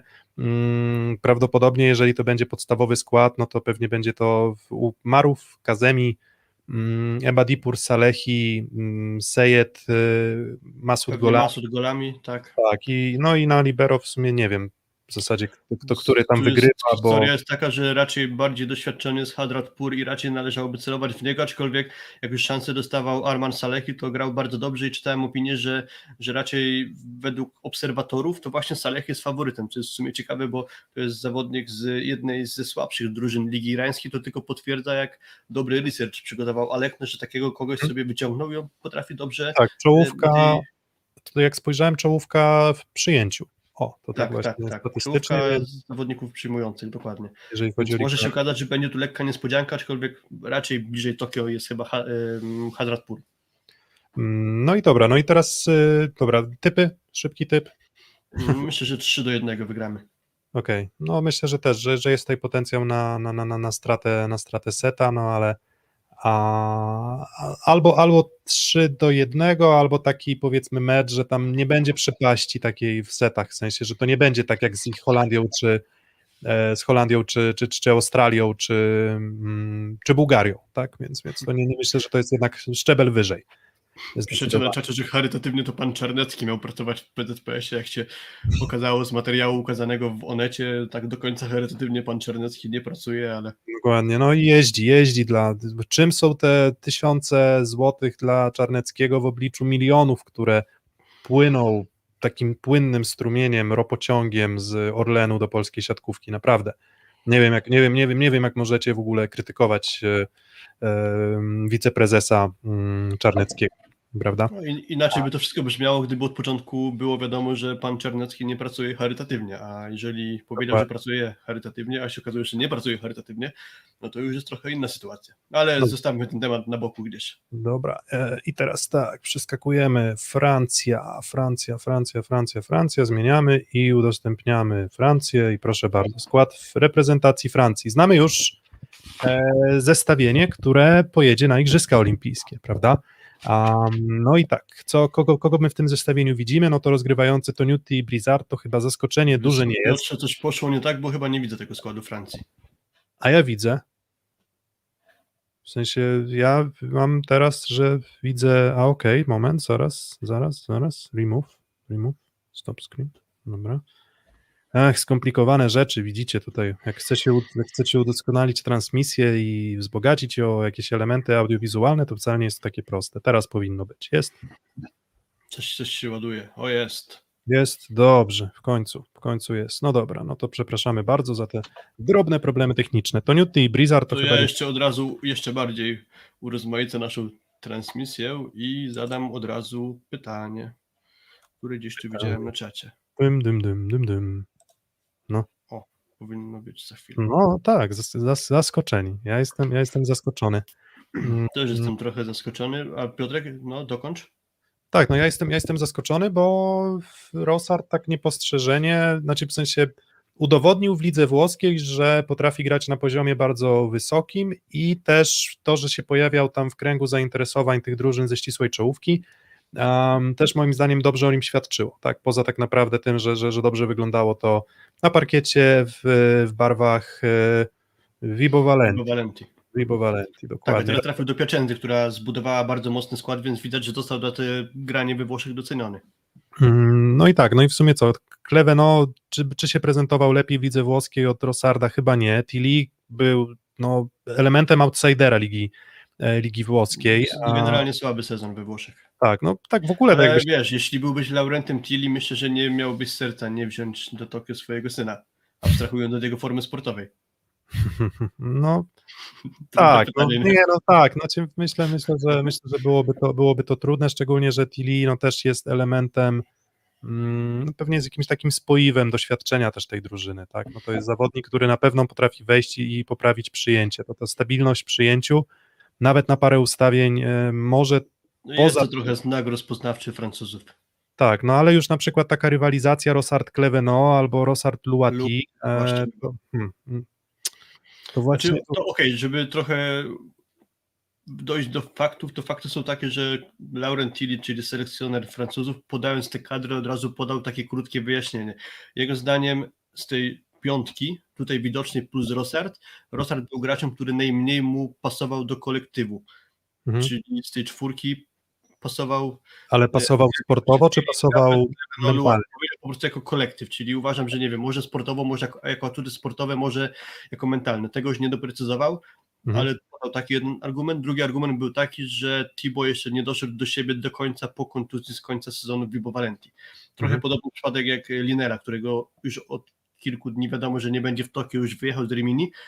Też było wytłumaczenie takie, że e, Liner nie zdąży dojść do siebie po kontuzji, którą odniósł w trakcie sezonu, więc sobie odpuścił już trochę wcześniej niż ten skład oficjalnie został podany, więc y, no, tutaj może nie do końca takie też y, sportowe względy decydowały o wycięciu Rosarda, bo jednak ta jego kontuzja mogła tutaj... A, jak ten, a, jak wspominasz Rosarda z, z czasów jeszcze z Jakoresowi? Bo ja, ja, ja, ja, znaczy ja, ja, z moich obserwacji jego mowa ciała potrafiła być taka kapryśna. Może, nie wiem, czy to jest dobre słowo. nie, nie rozgrzewał do walki moim zdaniem swoich kolegów swoją mową ciała, takie mam wrażenie. Więc no okej, no to jeśli chodzi o jakieś tam względy mentalne, no to może gdzieś to zaważyło. Tak, natomiast Tilly, no też, no też nie, nie róbmy z niego jakiegoś e, inwalidy siatkarskiego, bo on udowodnił w werwie, że w dobrze sklejonej drużynie potrafi te swoje, te swoje zadania wypełniać bardzo dobrze. Tak, więc nie, nie, nie, jakby przez pryzmat tego sezonu, który spędził w Latinie, tak, e, poprzedniego, Mhm. mm, Cis- Cisterna, tak, tam top volley, Tak, była najpierw Latina, potem się zmienili na top volley Cisterna. więc wiesz, z Werwy, Warszawa, Orlen Paliwa poszedł do Cysterny, tak, więc tak widzę, że pozostał w tych klimatach ropy. E, To i to nie był jego udany sezon mm, i to trzeba powiedzieć otwarcie, zresztą całej drużyny też, ale, ale, ale, ale no to to jest troszeczkę jaki temat y, kilku naszych zawodników, nie wiem jak to nawet ten podnoszony Michał Kubiak, że myślę, że on wie, że Kevin Tilly będzie przygotowany bardzo dobrze i wie jakie ma atuty Kevin Tilly w formie, więc uważa pewnie, że warto na niego zaczekać, nawet jeżeli, a zresztą on już w tej Lidze Narodów też już prezentuje się, myślę, lepiej mm, niż, niż w Lidze. Środkowi mm, też y, stary przyjaciel twój z Resowi, ale tylko na jeden sezon tam jakoś tak przeleciał, Bartelemi, I to nawet nie całe, bo o, nie cały sezon, bo on dołączył po kontuzji Marcina Możdżonka, potem Bartłomieja Lemańskiego dopiero w końcówce sezonu. No i pokazywał, myślę, zalążki, e, zalążki talentu, on nie był wtedy jeszcze oszlifowanym graczem, natomiast teraz te sezony w lidze włoskiej mm, imponujące, tak, w sensie jest, na pewno można było powiedzieć o nim, że był wyróżniającą się postacią środka siatki w, e, w lidze Valenti. E, wywili tak Vibo, Vibo Valenti, Nikola Legow i Daryl Bultor, a to są dwaj zawodnicy, którzy, no Legow to już siła doświadczenia, no i na pewno też jeden z, no chyba MVP Ligi Francuskiej, tak mi się wydaje. A, albo, na- albo, ale na, nie wiem czy, Najlepszy środkowy. Ligi Ale tak, tak. tak, to, to, to chyba Averil też trafił wtedy do, do tego składu czołowego mm, Taylor Averil z, z reprezentacji Stanów. E, no i Daryl Bultor i Moussa Gay, Gay, Gay, Gueye, tylko że to jest jakby skład Francji na te Tak, BNL, tak, tak, czyli tak, tak, to tak. nie jest jakby szkadra olimpijska. No tak, no ale właśnie mówię Bo o tym, trójka że będzie, trójka pierwszy, Gueye na igrzyska nie jedzie. Tak, nie, nie jedzie, nie jedzie Gueye, 24-latek, y, Daryl Bultor już chyba przetestowany w reprezentacji, natomiast no Tak, nie, dobrze. nie imponował jakoś specjalnie, Przy- przynajmniej takie szybkie spojrzenie w liczby pokazywało, no, że w zasadzie mm, w tym najważniejszym dla, środkowym, dla, dla środkowych elemencie, czyli w bloku, był przeciętny. O, był, a może, może nawet powiedziałbym, że słaby. Mm, Myślę, że no w naszej reprezentacji to przy rywalizacji na środku, czy z, powiedzmy z potencjałem naszych zawodników w naszej lidze, no to, to myślę, że Daryl Bultor to raczej to, w sensie gdyby on grał w polskiej lidze, to raczej w dole tabeli, tak, tak myślę, tak. Mhm. Generalnie jest problem trochę braku zastępstwa dla mm, Kevina który od lat nękany kontuzjami już trochę został odstawiony na boczny tor, jest właśnie Bartelemi Czynenieze i Nikolas Legow, którzy na pewno stworzył parę podstawowych graczy, no i kogoś trzeba było tego trzeciego dokooptować. Gueye to jest w ogóle debiutant na poziomie ligi, y, reprezentacji Francji, no i ten Bultor, który od czasu do czasu tam się przywijał już przez reprezentację, no to został dokooptowany na trzeciego, no ale to raczej nie jest gracz równorzędny tej podstawowej parze, która będzie. No tak, no, no nie, ma, nie, ma, nie ma za bardzo następców. Też ciekawostka, jak się przyjrzałem tej, tej lidze francuskiej, tym powiedzmy zestawieniu tych, tych środkowych czołowych, no to tam oni mają chyba bardzo luźne, luźne te limity swoje, jeżeli chodzi o, o powiedzmy tak. obcokrajowców. No i tak jak w Polsce jednak ten limit trzech e, obcokrajowców myślę, że pomaga na pewno nam w tym, że mamy tych środkowych naprawdę przyzwoitych, solidnych też poza obiegiem reprezentacyjnym. A, w lidze francuskiej, no to jednak w czołówce mm, Concilia ze Słowenii, Taylor Averill ze Stanów, e, Gojko Czuk, e, no właśnie gdzieś tam Legow, to powiedzmy jeden z niewielu Francuzów, którzy gdzieś tam się e, przebijali wysoko, Leandro, czyli Brazylijczyk taki, który gdzieś w ogóle poza kadrą mm, i chyba, chyba tej szansy już może nie dostać, chociaż prezentuje się przynajmniej w, w danych, wygląda, że w liczbach, że wygląda dobrze, no ale jak gra, to chyba trudno do końca powiedzieć. Kojarzę taki jego mecz, że chyba 8 punktowych bloków zanotował właśnie Leandro Arakaju, ale to dygresja. Tak, więc, więc sporo obcokrajowców, no i tego zapasu solidnych francuskich zawodników dużo nie ma, no i ten wybór e, Bultor versus Gueye czy Gueye, to, to to chyba był wybór no, Dżuma, Dżuma cholera to może nie, tak, ale, ale, ale myślę, że, że pomiędzy przeziębieniem a nie wiem, chorymi, chorymi zatokami, o tak, to taki głupie, takie głupie porównanie, udało mi się wyrzeźbić, więc podziwiajcie moją sprawność retoryczną. No i właśnie, no i Francuzi, tak? Jestem oczarowany. I tak, i, no, i- Francuzi, e, Francuzi w Lidze Narodów jak na razie uzbierali punktów, żebym się nie pomylił, chyba 26. E, bilans y, spotkań mm, 8 do 4. Mm, Jeżeli dobrze liczę, tak, 8, 8 do 4. No i chyba właśnie jak już skończyliśmy skończyliśmy Francję, to mm, jak skończyliśmy tę Francję, no to jeszcze domknijmy temat tego, jaki wynik przewidujemy, e, bo myślę, że tutaj raczej spodziewam się galowego mm, składu naszej reprezentacji już. Nie wiem, jak będzie w pozostałych dwóch meczach z Iranem i z Argentyną, ale tutaj myślę, że w pierwszym składzie, no i w pierwszym składzie myślę, że też, też jesteśmy faworytem, ale tak to coś mi jednak śmierdzi tym, że tutaj strata punktów może jednak mieć miejsce. Francuzi wtedy być może nie będą mieli pewnego miejsca w turnieju finałowym, także pewnie będzie im też zależało na tym, żeby wyjść takim pierwszym garniturem.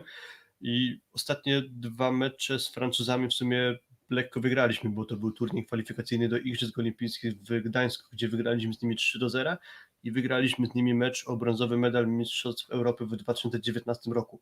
E, Także raczej nam Francja ostatnio problemów nie sprawiała tutaj właśnie w zależności od sytuacji w grupie będzie ciekawa, czyli w sensie w grupie jako w kontekście awansu do turnieju finałowego będzie ciekawa sytuacja i tam dużo będzie zależeć, no ale okej, okay, przedtem było 3 do 0, 3 do 0, to tutaj postawię, że wygramy, e, nie, 3 do 0 z Iranem, 3 do 1, tu też postawię 3 do 1, że wygramy jednak. Francuzi w sumie w kontekście awansu, bo o tym pewnie też pogadamy jeszcze, mm, zdarza im się trochę wpadek notować, także nie jest to zbyt stabilny zespół. No właśnie, podzielimy się tabelą. Nie wiem, czy ona będzie dobrze widoczna, pewnie nie będzie. Nie wiem, czy ja to mogę jakoś jakoś przybliżyć. Myślę, że jest okej. E, Nie wiem, czy, czy O widać. teraz została szóstka ostatnia. Dobra, O, super. no, oj, super. Widzicie, jaki. Bo w sumie właściwie jest pierwsza szóstka tabeli i dalej nie sądzimy, żeby ktokolwiek miał szansę na awans, więc tę tabelę sobie spłucimy do sześciu drużyn. No właśnie, no i teraz tak, no jak już opowiedzieliśmy o tych rywalach, no to teraz zastanówmy się nad tym, no, z kim my się spotkamy w półfinale. Mm, Myślę, że Brazylia i Polska zajmą pierwsze dwa miejsca. Mm, Brazylia ma w zasadzie mecz z Rosją, który może być jeszcze wyzwaniem na sam koniec. No i no, my musielibyśmy wygrać wszystko do końca. Brazylia musiałaby, nie wiem, przegrać. No, myślę, że Z dwa Rosją. spotkania. Tak, myślę, że musiałaby przegrać z Rosją i to dość gładko, żeby, e, żeby jednak utrzymać się, znaczy, żeby nie utrzymać się w tabeli przed nami, więc myślę, że my pierwsi, i, i znaczy Brazylia pierwsza, my drudzy. Natomiast ciekawa sytuacja jest z, pozostałych drużyna, e, z pozostałymi drużynami. Mm, No bo jak widzicie, delikatnie z przodu jest Słowenia. I dlaczego jest z przodu? Dlatego, że o mm, pozycji w tabeli decyduje bilans zwycięstw do porażek. Czyli jak patrzymy na te punkty, no to one mają znaczenie, ale nie mają aż takiego znaczenia, jak się nam wszystkim wydaje. One decydują przy równym bilansie, e, przy równym bilansie właśnie zwycięstw do porażek. Słowenia ma te porażki trzy. No i w ostatnich trzech meczach oni mają dość łatwych rywali. Pamiętasz, kogo mają? Mm, Słowenia jutro, a czy nie jutro, y, poniedziałek Stany Zjednoczone, później Japonia i na końcu Bułgaria. Więc nawet jeżeli powinie się noga z, ze Stanami Zjednoczonymi, e, to, to, to, to myślę, że nawet z czterema porażkami oni myślę, że, że, że, że się zameldują, e, zameldują się w zameldują się w tej czołowej czwórce. E, No i jeżeli utrzymają trzecią pozycję, tego nie wiem, bo tutaj nie podejmuje się do końca oceny, czy, czy, oni, czy, czy oni się utrzymają, czy nie. Natomiast no podejrzewam, że mówię, nawet jak z tymi Stanami, które przecież nie imponują, mm, no nie wiem, powinie im się noga, no to dwa zwycięstwa, myślę, że, że, że i bilans ten 11-4 powinien im dać e, awans, tak? Mm, Chociaż tutaj sytuacja jest taka, że no bardzo blisko są siebie y, te drużyny y, z miejsc 3, 4, 5, 6, więc to niekoniecznie musi być tak, że tylko z jedną porażką oni awansują, bo tu się może im trochę sytuacja jeszcze skomplikować. No bo tak, e, Rosjanie mają dwa mecze, które wydaje mi się, że powinni wygrać, czyli to jest Niemcy i e, Włochy, czyli ten drugi skład Włochów. No i właśnie na koniec decydujący mecz z Brazylią, która może już będzie miała jasną sytuację w tabeli, może trochę odpuścić, więc to jest tak, że Rosjanie mogą trzy spotkania wygrać i będą mieli więcej punktów od e, Słowenii, czyli równą liczbę wygranych. Mhm. Mm, Znaczy Słowenia wygrałaby 10, 10, 11 meczów przy jednej porażce. Rosja też 11 meczów, ale y, Rosjanie mieliby więcej punktów. Także Tak, tu ja- może być ja- że przy takim wariancie Słoweńcy spadają na miejsce na razie czwarte, no ale identyczna sytuacja jak dla Rosjan jest dla Francji, czyli oni Wiesz, też trzeba być, wiesz, trzeba być konsekwentnym, więc jeżeli mówiliśmy, że stawiamy Polskę w roli faworyta z Francją, em, a przynajmniej do zwycięstwa, tak. bo ja mówię, że może strata punktów, no to, no to Francuzi będą w trudnej sytuacji, e, bo oni będą mieli już e, pięć porażek wtedy i, i, dodatkowo jeszcze mecze z Iranem i Argentyną, które też wcale specjalnie łatwe dla nich nie muszą być, tak, bo, bo Francuzi trochę falują formą na akurat e, w tym turnieju. Mm, No ciekawą sytuację mają też Serbowie, bo Serbowie mają trzech łatwych rywali i oni spokojnie mogą zakończyć e, z bilansem 11-4. I Ja akurat jestem sobie w stanie wyobrazić sytuację, w której um, Rosja przegrywa z Brazylią i ma w najlepszym wypadku bilans 10 do 5. Francja przegrywa z Polską i ma w najlepszym przypadku bilans 10 do 5. Słoweńcy podejrzewam, że, że, że uda im się to docisnąć, e, żeby mieć bilans mm, powiedzmy w najgorszym wypadku te 11-4. E, No a Serbowie z trzema łatwymi rywalami mogą mieć punktów mniej od Rosji, mogą mieć punktów mniej od Francji, a na przykład y, właśnie tym bilansem zwycięstw do porażek y, się zameldować w tej czwórce, więc ja jeszcze bym Serbów, y, Serbów nie skreślał. Myślę, że skreślać ich nie ma co, aczkolwiek pewnie skomplikowała im się nieco sytuacja, bo w meczu tym ostatnim z Argentyną, którzy, który przegrali bez wygrania choćby seta, w drugiej partii kontuzji doznał Urosz Kowacewicz. Wygląda to na jakiś uraz pleców i nie jest pewny, czy w ogóle Serb będzie mógł te trzy kolejne spotkania zagrać, więc to na pewno duże osłabienie serbskiej reprezentacji. No i oni mają jeszcze mecz z Holandią, która tam ma tego nieobliczalnego Nimira, no i Holandia potrafiła wygrać chociażby chyba z Francją po tej breaku i jeszcze przynajmniej jeden taki istotny, ważny mecz z wyżej notowanym rywalem Holendrzy wygrali, więc tu ewentualna jeszcze 40, 40 punkt, 42 punkty, tak? e, Nimira w tym, tym starcie. 43, 43 punkty w 43. tym meczu. No to rekord plus ligi tam z ostatnich parunastu lat to jest Bartłomiej Klut, to jest 40 punktów. Co prawda w czterech setach, a nie w pięciu, no ale, ale myślę, że to bardzo dużo mówi o wyczynie, e, wyczynie e, no, gwiazdy reprezentacji Holandii. Mhm. Um, no tak, no i faktycznie ten, ten, ta kontuzja Urosza Kowacewicza może trochę piachu w te tryby tej serbskiej maszyny na, na, nasypać, nie mówiąc też o tym, że no Serbowie, no patrz, widzimy no przecież ile mają punktów nagromadzonych, oni pomimo To tych... może być problem, nawet jak się zrównają liczbą wygranych, to raczej nie przeskoczą liczbą punktów, więc to jest kolejna No tak, więc myślę, że je- jedyną, jedyną szansą dla Serbów jest to, że e, Rosja przegrywa jeden mecz z trzech, Francja przegrywa jeden z trzech, innego scenariusza nie widzę, jakby nie, nie, nie, nie, nie, ma, nie ma szans. Jeżeli Francuzi bądź Rosjanie e, wygraliby trzy spotkania, mm, no to jakby nie, nie, nie, no to, to, to już jest pograne, tak, dla, dla Serbów, tak, ale, nie, ale myślę, że nie muszą wcale wygrać. E, Mecz Brazylia-Rosja w ogóle zakończy całą e, fazę mm, grupową Ligi Narodów tegorocznej, e, bo to jest mecz o 21 w, mm, środę? w środę. W środę. No i też, no, jeżeli Brazylia już będzie miała pewne pierwsze miejsce, jeżeli już będzie pewna tego, że zagra w półfinale, no to też jest pytanie o to, jaki skład wtedy wystawi, no wystawi asystent Szwankę, tak, asystent Renana Dal, Dalzotto. Jeżeli faktycznie, nie wiem, da odpocząć, bo to jest tak, że w środę kończymy fazę grupową i trzy dni później w sobotę, niedzielę już rozgrywamy, mm, rozgrywamy mecz półfinałowy i finałowy. Tutaj już zacznie się granie o medale i tutaj wydaje mi się, że już nawet Vital Heinen, nie spodziewam się rotacji, w, jeżeli my zagramy w półfinale, a przewidujemy, że zagramy, to tutaj już myślę, że, że, że, że to będzie ga, galowo, galowo ale w przypadku Brazylii ten ostatni mecz już może nie mieć żadnego znaczenia, no i to może wtedy sprzyjać też reprezentacji e, Rosji. Tak? No jednak Brazylia sporo gra tutaj pierwszym składem, więc to na pewno by się przydało, żeby sobie trochę odpoczęli ci najważniejsi gracze. Tak jak tu piszecie, Kanada też może postraszyć Serbię. Ja się z tym zgadzam, bo Kanada nam postawiła trudne warunki, więc równie dobrze może i postawić się reprezentacji Serbii choćby jakiś punkt urwać, a to już jest kolejna dodatkowa komplikacja, więc tu akurat No tak, no trochę- mówię, punkty, punkty moim zdaniem tutaj już e, Serbów specjalnie nie obchodzą. Mhm. W Tak, zasadzie muszą- wiesz, po prostu wygrywać i liczyć na porażki innych. Dokładnie. E, więc tak, no Kanada, tak, w ogóle swoją drogą Kanada w bardzo fajny mecz z nami zagrała. A, I tam ja tam trochę tak narzekałem, że tam wtedy tym galowym składem zagraliśmy pierwszy mecz i no i faktycznie wyglądało to nie najlepiej, jeśli chodzi o nasz poziom gry, ale trzeba oddać Kanadyjczykom, że to była jedna z tych niewielu drużyn, o których Kuba wspominał, że się kładą przed nami na boisku.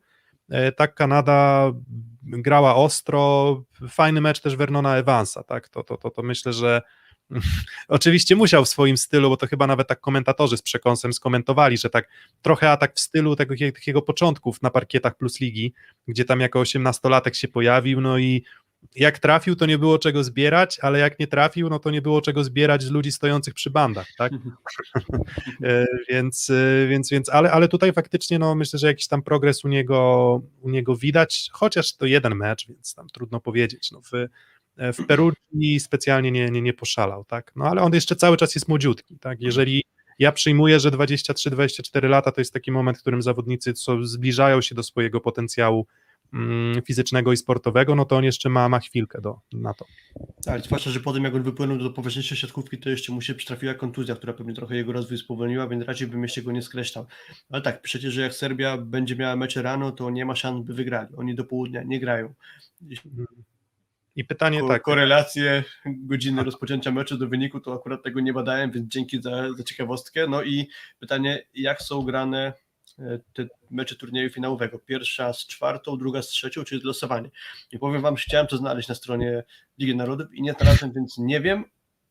Często tak jest, ale w sensie, jeśli chcemy coś znaleźć na stronie Ligi Narodów, czy w ogóle rozgrywek oficjalnych, tam VB chociażby, są z tym problemy, ale obstawiam, że będzie tak, że pierwsza z czwartą, druga z trzecią. Ma to dla mnie najwięcej sensu. No tak, to, to chyba taki, chyba byłoby to taka klasyka, tak? No to No to co, no to jak tak zrobiliśmy matematykę, zrobiliśmy, zrobiliśmy analizę pełną tych spotkań i, i rywali i, i, i, harmonogramów, godzin rozegrania spotkań, czy to będzie o 9, czy 12, czy, czy o 21, kto tam się lepiej odnajdzie po, nie wiem, ciężkim wieczorze spędzonym na integracji, e, ale no, pytanie proste do ciebie, Filip, w takim układzie, kto? Kto do Brazylii i Polski? Brazylia, Polska i moim zdaniem Słowenia i Rosja, czyli ta pierwsza czwórka pozostanie bez zmian. Czyli Rosjanie wygrają z Australią i e, z, nie, Rosjanie grają zaraz, sprawdzę sobie, z Niemcami i z Włochami. I na koniec ta Brazylia, czyli po pierwsze uważam, że Rosjanie, nawet jak Brazylia nie odpuści, to będzie w stanie Rosja ich ewentualnie pokonać, nie są bez szans. No druga sprawa jeszcze, że kalendarz jest tak ułożony i sytuacja w grupie, że być może Brazylia trochę Rosji składem swoim odpuści, więc Rosjanie moim zdaniem z kompletnym wygranych, a to da im miejsce w pierwszej czwórce. Mm, No właśnie, gdy- gdyby, gdyby, nie ta, gdyby nie te wieści o Uroszu Kowacewiczu, to ja bym myślę, że może trochę ryzykownie, ale postawił na Serbów z uwagi na terminarz, bo Tam Lisinad jeszcze tam nie gra chyba po no właśnie, więc e, tak, więc, więc myślę, że też podobnie, no ale gdybym miał ustawić, no to Rosja, Serbia i Francja, w sensie w takiej kolejności według prawdopodobieństwa, moim zdaniem, tak, nie, nie, nie, nie, nie spodziewam się, żeby e, no a może Francuzi nas zaskoczą, może faktycznie się okaże, że, Mhm. że to my się napocimy, no my potrzebujemy Francuzi wygrali z Brazylią 3 do 0, także to, to też nie jest tak, że tak, no nas są w stanie nas postraszyć. Dokładnie, więc no, ale z drugiej strony, jak do tej pory, to, to, to postraszyła Słowenia i postraszyła Brazylia, więc zobaczymy, czy, e, czy, czy i Francuzi też się dorzucą. Dobra. E, Aczkolwiek godzina- sytuacja jest bardzo ciekawa. No, mamy trzy drużyny z taką samą liczbą wygranych i taką samą liczbą punktów jednocześnie, więc tutaj każda jakaś tam padka będzie no, mocno ważyła, więc tu nie ma odpuszczania i, i będzie to ciekawe na pewno. No właśnie, no tutaj jeszcze jest, ja czekam na mecz Słowenia-USA, który może ładnie namieszać, no też, też e, Taylor Sander wrócił do gry, to tak jeszcze z takich highlightów. Um, Kadra USA jest już znana o, w sumie. no właśnie, znamy kadrę Nie USA. ma, nie ma Bena Pacha, to jest dla mnie niespodzianka. Jedzie oprócz Mata Andersona wpisany w pozycję atakującego Kyle Enzing. No i trochę może zaskoczenie będzie debiutant Mitch Stahl na igrzyskach, czyli Tak, trójka środkowa ale- to będzie David Smith, Max Holt i e, Mitch Stahl. Um, no właśnie już, czy chyba, nie wiem, czy w szóstym secie już były te oklepane żarty mówiące o tym, że Mitch Stal doskonale pasuje, będzie pasował do Stalinysa. E, no ale to my to jeszcze usłyszymy to pewnie przez e, następne parę miesięcy, jak już rozpocznie się sezon ligowy, no to pewnie dziesiątki razy e, ktoś... Jak, jak będzie wymiatał, to będzie Stahl Nysa. Tak, dokładnie, będzie Sztalnysa, ale wymiatał na, w Lidze Narodów. W sensie naprawdę trzeba przyznać, że wykorzystał swoją szansę i, i nie wiem do końca, czy nie ma tam, czy, czy Taylor Averill jest w 100% zdrowy, bo to chyba pomiędzy nim właśnie a, a, a tym a, Mi- a Mitchem Stolem rozgrywała się rywalizacja o awans na, mm, do składu na igrzyska. No i moim zdaniem po prostu Stal był lepszym zawodnikiem, moim zdaniem on się prezentował jednak lepiej, grał więcej, nie wiem czy to kwestia kontuzji, bo Taylor Averill miał w końcówce sezonu taką powiedzmy na tyle poważną kontuzję, że go tam wyłączyła z mm, staw skokowy, jeżeli dobrze pamiętam, jakieś problemy ze stawem skokowym. No więc czy on zdążył dojść do formy, czy nie, trudno powiedzieć, no ale, ale, ale myślę, że Stal po prostu udowodnił, że, e, że, że jest lepszym zawodnikiem. E, Jedzie De Falco z Indykpolu AZS-u Olsztyn, jedzie Gareth Muago Tutia, o którym się przebąkuje, że no, może zostanie w Polsce. Um, Taylor Sander i czwartym przyjmującym jest Tomasz Rzeszki, tak. Dokładnie. E, I właśnie, kto drugim rozgrywającym? Do oprócz Kawika Szodzi. Czy jednak Kawika Shoji, czyli nie, Josh, nie Joshua Tuaniga na przykład, tak? Czy, czy Majka. doświadczenie. Generalnie historia jest taka, że porównując kadrę USA z Rio i tą na Tokio, to ośmiu graczy było w Rio, więc mamy tutaj czterech debiutantów. Jest to Mago Tutia, Defalco, Sztal i, i, i, i zaraz zgubiłem. A i Enzing, ok, czyli czwórka debiutantów, ośmiu graczy już z Rio.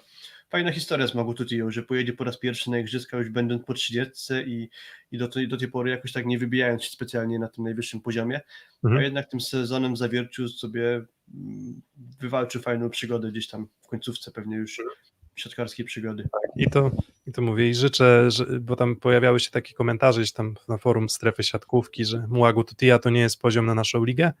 Ja myślę, że zależy od tego, o jakie aspiracje, o jakich aspiracjach mówimy, o jakim poziomie gry, jakich kolegów ma obok siebie. No ale życzę sobie więcej transferów takich, które są za słabe na naszą ligę, a mimo to jadą na, na Igrzyska Olimpijskie w barwach, no jednak było, nie było jednego z kandydatów do, e, do medalu, tak? No więc no tych reprezentantów na Igrzyskach to poza Polską, no to jednak trochę będzie. Spodziewam się, że w Iranie też pojedzie Salehi, więc AZS myślę, że będzie miał dwóch reprezentantów e, zagranicznych, którzy, którzy pojadą na, na Igrzyska Olimpijskie. No ale o tym się przekonamy już e, wkrótce. Pytanie jeszcze do czatu, czy, czy, czy wy macie do nas jakieś pytania, albo czy jest jakiś temat, o którym, nie wiem, chcielibyście, żebyśmy porozmawiali, czy Albo Mm. zastrzeżenia co do realizacji transmisji, coś możemy Tak, jeszcze ulepszyć ewentualnie, coś wam się rzuca w oczy, to, to chętnie posłuchamy. Dokładnie, więc dawajcie jeszcze znać, bo, no bo w sumie jeszcze mamy chwilę, więc, e, więc na, na spokojnie. Do kolejnego meczu Euro jeszcze chwilka, a godzina 21 chyba, tak? Więc, e, więc, więc jeżeli ktoś tam jest większym fanem piłki, to, to jeszcze, ma, jeszcze ma chwilę. Finały Ligi Europejskiej jutro, właśnie. Um, Z głowy nawet półfinalistów nie wymienię, ale tam jest na pewno Belgia, chyba Estonia, Ukraina i chyba Turcja, zdaje się, tak? a, zaraz zobaczymy. Ale, ale pewności nie mam. Aczkolwiek nie śledzę tej Ligi Golden- Europejskiej Golden, teraz. Golden European League. E, Estonia, Turcja, Ukraina, Belgia. E, czy pamiętasz, jak się zastanawialiśmy, bo tam padło takie pytanie przed na- naszym nagraniem, e, Pamiętam, do, wiem, do, wiem do czego zmierzasz. tak, która, które z drużyn e, mogą d, d, Dołączyć do tej światowej Dołączyć, czołówki tak, dołączyć. szerokiej, nie? Dokładnie. E, Estonia, Turcja, Ukraina, Belgia, właśnie w tych parach. Mm, No i wspominaliśmy, że Ukraina może być taką drużyną i Turcja. No i proszę. Więc na tym poziomie jeszcze Ligi Europejskiej, no tej złotej, więc założenia to jest no mistrzostwa drugiego szeregu, tak? Tak, tak, tak, bym, tak bym to powiedział, no bo ten pierwszy szereg jednak jest na Lidze Światowej, znaczy Lidze Światowej, to, na siatkarskiej Lidze Narodów, No ale w tej Europejskiej Lidze Narodów e, no faktycznie Ukraina i Turcja się znajdują. Mm, Gdzieś jak tam e, przeglądałem e, wyniki, no to jednak Lagum Giar myślę, że będzie prędzej niż później trafi do drużyn ze ścisłego topu, bo to jest, e, nie wiem, kolejne wcielenie, może lepsze wcielenie Cwetana Sokołowa, może? Tak, tak, tak bym go przyrównał chyba. Tak, Więc- teraz zrobił krok do przodu, przechodząc z Monzy do mocnej Piacenzy, więc y, no idzie szczebel po szczeblu, ale, ale wyląduje prędzej czy później w takiej ścisłej czołówce włoskiej na pewno. Mm, No No więc i tam dobra. właśnie chociażby y, Efe Bayram, Efe Mandiraci, y, Tak, no i wiesz, no i w zasadzie wiesz, w zasadzie możesz mieć trzech, trzech przyzwoitych skrzydłowych, dasz im rozgrywającego, który mnie kaleczy bardzo, albo kaleczy tylko troszkę. A, no i jak się okazuje, na wysokiej piłce taki Lagumdzija po prostu na tym poziomie sobie poradzić potrafi, nie mówiąc o tym, że Lagumdzija ma też inne atuty, na przykład on był chyba najlepiej blokującym, atakującym ligi włoskiej. Ze wszystkich atakujących chyba, chyba prezentował się e, najlepiej, jeśli- jeżeli dobrze pamiętam, no albo na pewno był w tej ścisłej czołówce. Więc e, no mówię, no taki Cwetan Sokołow mi po prostu rośnie, rośnie kolejny. No a że korzenie, korzenie przecież Lagumdzija, no to bośniackie chyba, tak? Jeżeli dobrze. mm, Jeśli- dokładnie, jeżeli urodzony w Sarajewie. A pytania kolejne. Czy nie uważacie, że Brazylia w meczu z nami wyglądała na zbyt dynamiczną i silną jak na ten etap przygotowań? Mm, No dobrze wyglądali, to trzeba przyznać, że, że, że, że w, tam Wallace to fruwał, tak? I, No i też mało rotują składem, więc teoretycznie mogli być te kilka kroków dalej w dyspozycji przed nami.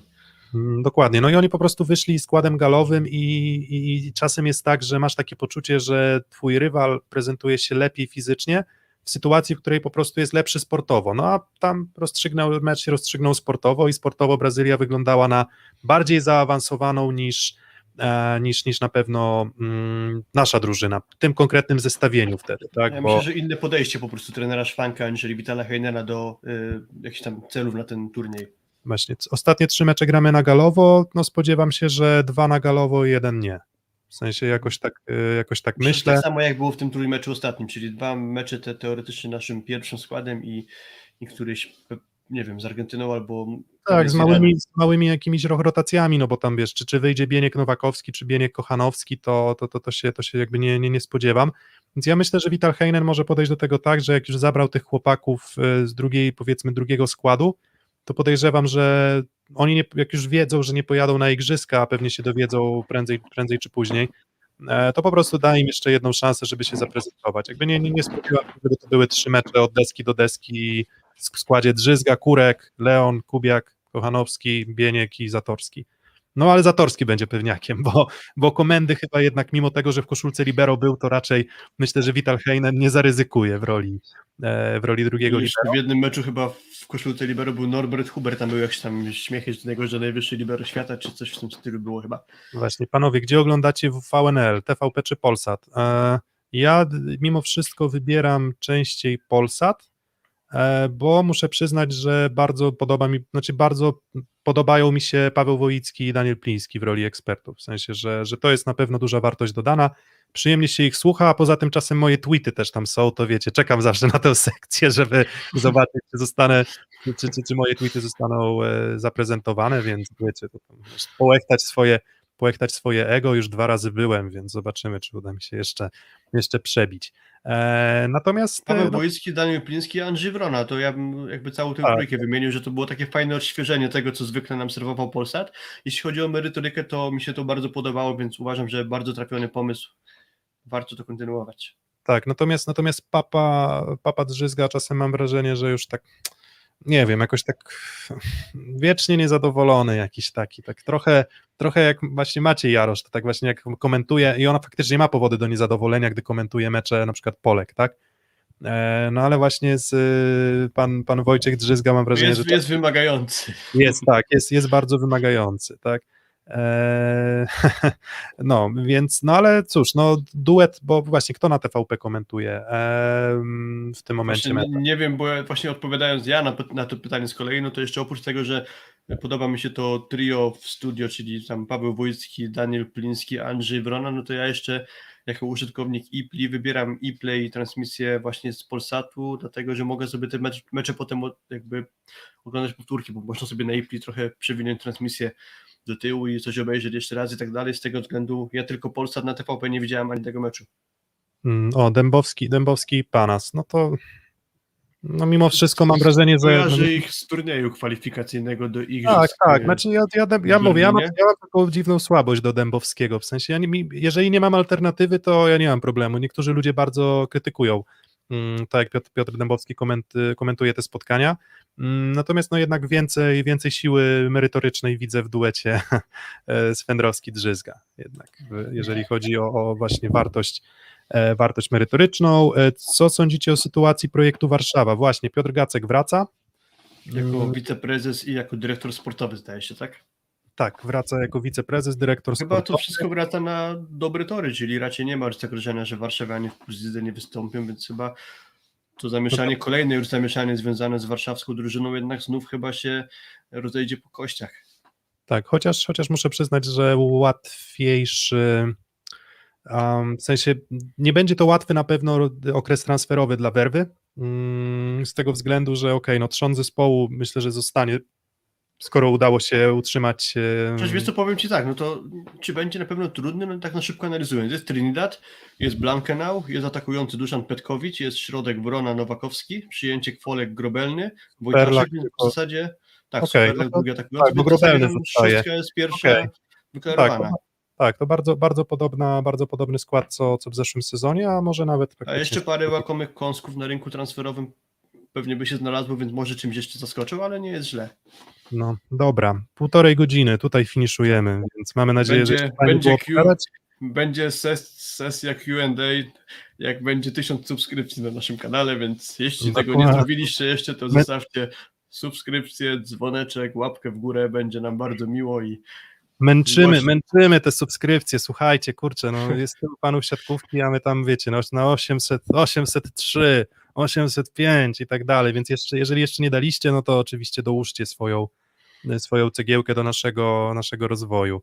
No i tak o, po- pogadali, pogadali, em, tak jak wspominaliśmy, półfinały, finały Ligi e, Narodów y, w sobotę i niedzielę, Mm, no więc trzy mecze teraz, myślę, że trzy mecze powinny być ciekawe, jakby to nie powinna być, tak jak wspominaliśmy, przepaść. Um, no i co? I bawcie się dobrze, mm, oglądajcie, oglądajcie spotkania, dzielcie się naszymi nagraniami z, z innymi ludźmi, staramy się w fajnej atmosferze, przyjemnej, radosnej, uśmiechniętej. Czasem nawet rzucimy poetyckimi porównaniami, czasem Filip zaserwuje anegdotkę o tłumaczu reprezentacji Iranu, więc no, o charytatywnym tłumaczu reprezentacji Iranu, co, co, warto, co warto zaznaczyć. Dobra, e, To półtorej, tak, półtorej godziny za nami, więc dzięki, trzymajcie się i myślę, że e, mamy nadzieję, że się podobało i do zobaczenia. Trzymajcie się, do usłyszenia, cześć.